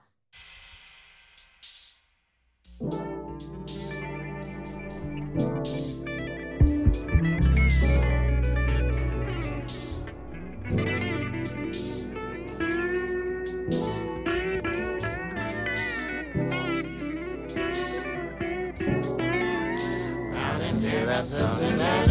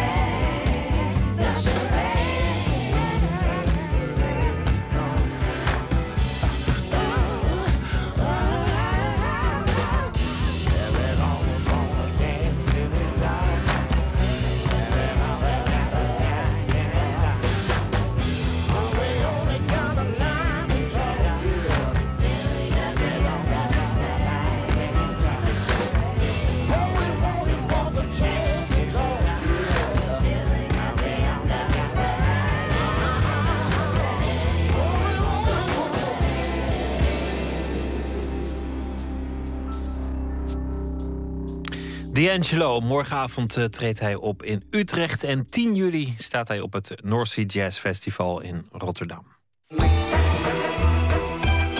Nooit meer slapen. Lech Walesa was uh, een grote held in Polen. Hij was uh, de man die eigenhandig opkwam tegen het communistische regime daar in de jaren 80. En daar begon eigenlijk dat ijzeren gordijn achteraf gezien al een beetje af te brokkelen. Later zou hij zelf, presi zelfs president worden van Polen. De Poolse regisseur Andrzej Wajda maakte op zijn 87ste film over deze man. PvdA-politicus Ahmed Marcouch die herkende zich als tiener in Valenza en liet zich door hem inspireren. En Nicolaou spreekt hem.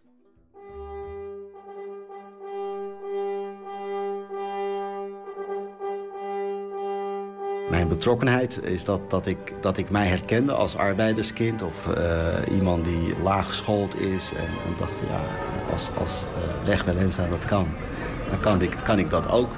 Ahmed Marcouch kwam als analfabete jongen vanuit Marokko op zijn tiende naar Nederland. En werd de belichaming van de Amerikaanse droom. Van krantenjongen tot Tweede Kamerlid.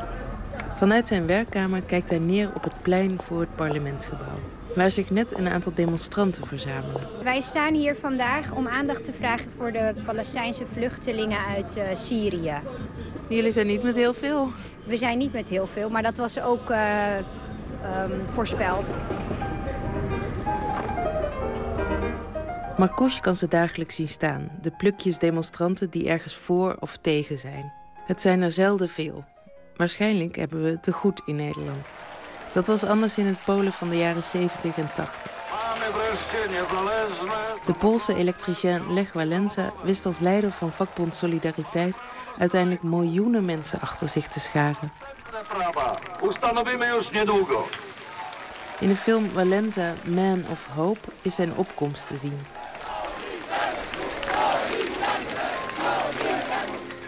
Ahmed Marcouch liet zich als krantenbezorger juist door deze man inspireren. Het moet uh, ergens 85, 86 zijn. Ik woonde op mezelf, ik was net 18. Uh, daardoor kon ik mijn eigen appartementje krijgen, krijgen. En ik woonde met mijn studerende broer en ik zat zelf op de LTS. En ik was krantenbezorger van de Volkskrant. Dus af en toe kwamen die artikelen langs hè, van, van de arbeidersopstanden en nou ja, op televisie, hè, op het journaal. Uh, ik zie de man nog met de snor uh, uh, als havenarbeider een vuist maken. En al die mensen die ja, opkomen voor hun rechten als arbeiders. En, en de, de wetten eigenlijk die niet zozeer voor hun, maar tegen hen werden gebruikt. En ik was zelf eigenlijk een jongetje van een jaar of elf, twaalf... Uh, toen ik uh, nou ja, eigenlijk al heel erg bezig was met, met idealen. En, en je, groeit, je groeit daarin. Waren heel erg met de islam bezig. Ik was een beetje ook religieus aan het radicaliseren. Uh, maar tegelijkertijd was ik ook onzeker over mijn toekomst. want ik, ik was tien toen ik begon te leren lezen en schrijven. Um, en ik zag het helemaal niet zitten dat ik uh, met een opleiding bijvoorbeeld nog ergens iets van mijn leven kon maken. Zoveel achterstand en, en zoveel onzekerheid. En we leefden ook in armoede, dus uh, het was niet allemaal makkelijk. Um, en dat was mijn broer uh, die een keer, dus die studerende broer, die een keer tegen mij zei... terwijl we zo aan het discussiëren waren over wat kun je nou met je LTS... en dat die zei van, nou ja, je kunt van alles van je leven maken. Kijk maar naar Leg Valenza, die is ook een havenarbeider... En die, uh, ja, die kan ook niet lezen en schrijven. En, uh, en hij heeft wel iets van zijn leven gemaakt. Uh, en kijk hoe hij dat doet. Nazwisko. Wałęsa. Imię. Lech. Imię ojca. Bolesław. Urodzony. Ja, weinig goede voorbeelden. Wel een hardwerkende vader. Uh, maar ja, om dat milieu te ontstijgen, uh, dat was natuurlijk de ambitie. Maar je had van die momenten dat je dacht van, uh, dit is een hele lange weg. ik moet de LTS doen en dan de MTS en, en het moet ook nog maar lukken. En ik, ik woonde al heel jong natuurlijk op mezelf. En dat moest ook gecombineerd worden. Ik, moest, ik had s ochtends een krantenwijk van de Volkskrant. S'avonds had ik een schoonmaakbaantje. en daartussen moest ik leren. Uh, en je moest tegelijkertijd ook je plek vinden in een land dat je helemaal niet zo goed kent. Lech Walesa, een Poolse katholieke uh, uh, vakbondsleider. Het lijkt een onwaarschijnlijke held voor een Marokkaanse LTS'er. Ja, eigenlijk heel gek inderdaad als je er zo achteraf uh, op terugkijkt. Uh, wij waren vooral georiënteerd op de islamitische Arabische wereld. Um, en, en, hij was natuurlijk uh, heel erg tegen het communisme. dat ze uitbuiten en, en de onderdrukking daarvan. Um, ja, dat is heel gek, maar we waren vooral bezig met de dictatuur in, in Marokko. We vonden veel van, van, van de koning Hassan II van Marokko. Het was een dictator, een onderdrukker. Zijn minister van Binnenlandse Zaken had overal agenten rondlopen. En iedereen die maar een bijeenkomst organiseerde of iets politiek zei werd s'nachts opgehaald. En uh, ja, tot, vandaag, tot vandaag de dag zijn er families die niet weten waar hun kind uh, naartoe gebracht is en waar die gebleven is. Nou ja, je zag elementen natuurlijk ook in, die, in de strijd van Lech Walensa, waarin op het moment dat hij dan het podium op was gegaan of uh, gespeech had of een, een, mening had geuit, dat er dan ineens agenten stonden. Dus dat, werd, dus dat, komt, dat komt in die zin heel erg dicht bij elkaar. ik denk dat vooral de eigenschappen, de moed en, en ook de, de, de zuiverheid van de man indruk op ons maakten. Maar het was vooral ook, het was iemand zoals ik, die eigenlijk niks heeft of weinig heeft... of eigenlijk opkwam voor mensen zoals ik. Mensen die geen sokken, geen schoenen hebben... Als ze ochtends een ontbijtje hadden, dan wisten ze niet of ze s'avonds een diner op tafel kregen. Dat was voor ons was dat, en voor mij ook heel erg herkenbaar. Lech Walesa werd continu op de hielen gezeten door de geheime politie en belandde in de cel voor zijn idealen. Het klinkt misschien een beetje raar, maar in zekere zin was hij een jihadist, zegt Ahmed Marcouch. Hoe, hoezo dan? Uh, nou ja, kijk, een, een jihadist is, is, natuurlijk op dit moment een hele beladen term. maar waar het om gaat is dat je, uh, dat, dat je dus uh, nou ja, een soort van een offergezindheid hebt. Hè? Bereid tot, tot offers brengen. niet bang bent voor de gevangenis, niet bang bent voor dat je, laten we zeggen, gedood wordt. Ehm, uh, want dat, dat soort risico's liep Leg wel zijn zijn tijd natuurlijk ook. Um, maar wat hij ook in, in een van die mooie uh, filmfragmenten ook zei... Is dat hij op een gegeven moment um, zijn gevangenschap niet als iets negatiefs zag... maar als een moment van bezinning, nadenken... nou ja, de cel eigenlijk als een, als een klooster beschouwde... Uh, waarmee hij dus ook zei dat hij er veel sterker uitkwam dan dat hij erin ging. En je ziet toch vaak ook dat jihadisten, als je ze doodt, dan zijn ze martelaar. En als ze vastzitten, dan komen ze er sterker uit dan, dan dat ze erin gingen.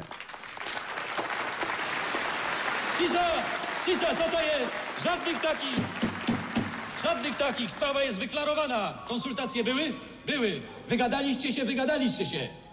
Głosujemy wniosek towarzysza Mijaka. Democratycznie, czyli w pełni jawnie. Kto jest za? Dat mis ik wel vaak in onze samenleving, dat we vergeten hoe sterk wij zijn. Met z'n allen. Samen die, die ene samenleving willen bouwen versus dat kleine groepje. En of dat nou um, uh, extreem rechts is of uh, moslimradicalen. Hoezo krijgen die ons klein? Wij met z'n allen. Versus die ene etter, die die ene homo. En natuurlijk staat die homo categorisch natuurlijk voor een grote groep. Maar wij moeten met z'n allen toch laten zien dat wij zo iemand uh, uh, die onrecht wordt aangedaan niet alleen uh, in de kou laten staan. En toch zijn we daar um, in heel Nederland niet heel snel voor te porren. Hier voor op het plein staat elke dag wel een paar man te demonstreren, maar zelden staat hier het, het hele Malieveld vol. Ja, maar toch uh, na Parijs, uh, die grote massa bijvoorbeeld, uh, binnen 24 uur. Ik, ik, had een, een oproepje geplaatst op mijn Facebook en, en het werd meteen massaal gedeeld. En eigenlijk binnen 24 uur stond op de Dam ehm, stonden zo'n 20.000 mensen. Maar het is waar dat, dat we te weinig beseffen dat dat, dat van belang is. Heel, heel veel mensen die ik spreek, die denken van, ach, heeft dat wel zin? in mijn eentje. Uh, uh, verschil maken. Uh, dus volgens mij is dat ook een van de liedjes, ook in de film. Ehm, waarin je eigenlijk als eenling wordt weggezet. Ach, kan jij nou het verschil maken?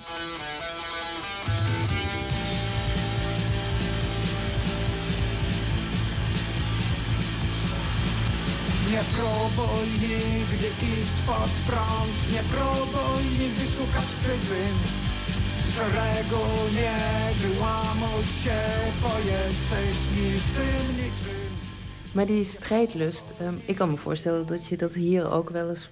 Het wordt ook gewoon werk, Tweede Kamerlid zijn. Dus dat die echte strijdlust wel eens tanende is. Die strijdlust die voel ik hier elke dag wel weer hoor. Want het, is, uh, het gaat niet, niet vanzelf. Uh, we, hebben, we zijn natuurlijk wel een, een, een democratie, dus. Um, um, het, is, het is altijd wel uh, een, een, een, een, een gevecht voor je idealen. Het is niet zo dat het je vanzelfsprekend gegeven is. Uh, en zeker als je sociaal-democraat bent. Uh, dus uh, het is elke keer weer en elke dag. En eigenlijk elke uur nadenken over hoe kun je nou weer het maximale doen. en, en voor de mensen die, die het minder hebben. Maar dat vind ik wel heel bewonderenswaardig. Als je elk uur van de dag dat kan voelen. Ja, dat, dat, dat moet, dat moet uh, vanzelf gaan. Uh, dus het is gewoon een onderdeel van je zijn geworden. Anders kun je dit werk ook gewoon uh, niet, niet goed doen. In die zin is dit niet zomaar een baan. je kunt niet zeggen van ik doe het van acht tot vier en dan kap ik ermee. zo werkt dit werk niet. Het is een strijd en, en elke dag weer. Je gaat ermee naar bed en je wordt ermee wakker. Ik hoop het. Dank u wel. Emmy Colau sprak Ahmed Marcouch. De film Valenza Man of Hope is vanaf donderdag te zien in de bioscoop. Dichter eh, Pieter Boskma die zal deze week elke dag een eh, favoriet gedicht voordragen. Zelf maakte hij vier, 14 bundels maar liefst. De meest recente heet Zelf en die verscheen afgelopen herfst. Daarin staan zelfportretten over het leven na de dood van een geliefde. Hij leest een gedicht van uh, dichter en schilder Lucie Bert.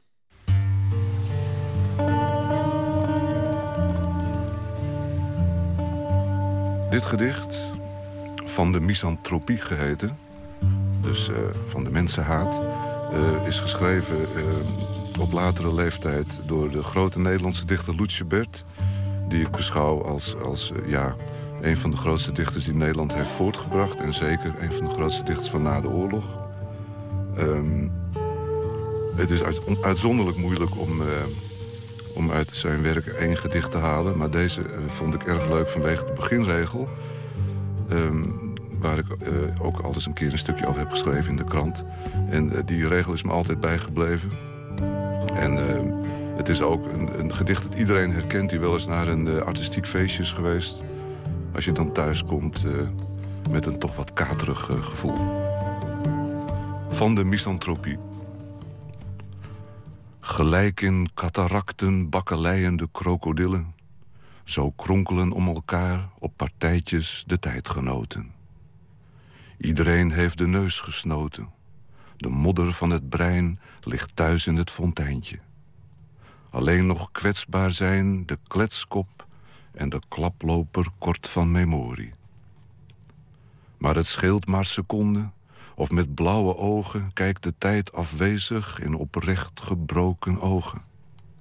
Men spiegelt zich in zand en alle handen grijpen graag naar de warme schaduw van allerhanden. Eentonig rijmt het hardnekkig gesprek van nek tot nek. Te laat, te vroeg verlaat men de delta van de pret, doodgekust door duizend monden. In een sarcofaag, door gespuis geschonden, komt men thuis vol nodeloze wonden. Dra valt ijswater uit de naakte maan in bed. Dichter uh, Pieter Boskma die droeg een gedicht voor van Lusje Bert. En morgen zal hij weer een uh, favoriet gedicht voordragen in Nooit meer slapen. Dan komt ook historicus en letterkundige Willem Otterspeer langs... over de voltooiing van zijn tweedelige biografie van Willem Frederik Hermans, de schrijver. Het eerste deel verscheen al in 2013. Het uh, tweede deel gaat over de laatste jaren van het leven van de schrijver. De zanger van de wrok over hoe de rancune zich een weg vreet... in het leven van deze beroemde auteur. Maar buurman, wat doet u nu? is een uh, beroemde filmuitspraak uit de film uh, Flodder. Onder deze naam worden op Logos, het uh, festival, de hoogte- en dieptepunten van de Nederlandse taal in Nederlandstalige films getoond. En met heel veel andere beroemde fragmenten en beroemde zinsneden. We praten ook met eh, filosoof Simone van Saarloos over het F-boek, waarin 50 schrijvers, vrouwen en mannen de veelstemmigheid en veelkleurigheid van het feminisme tonen. Wat is er al bereikt en wat is er nog te bereiken? Dat allemaal morgen in Nooit meer slapen. Voor nu een hele goede nacht en uh, graag weer tot morgen. Zometeen kunt u luisteren naar uh, Nog Steeds Wakker van WNL met Martijn Middel en Vera Simons. Een hele goede nacht.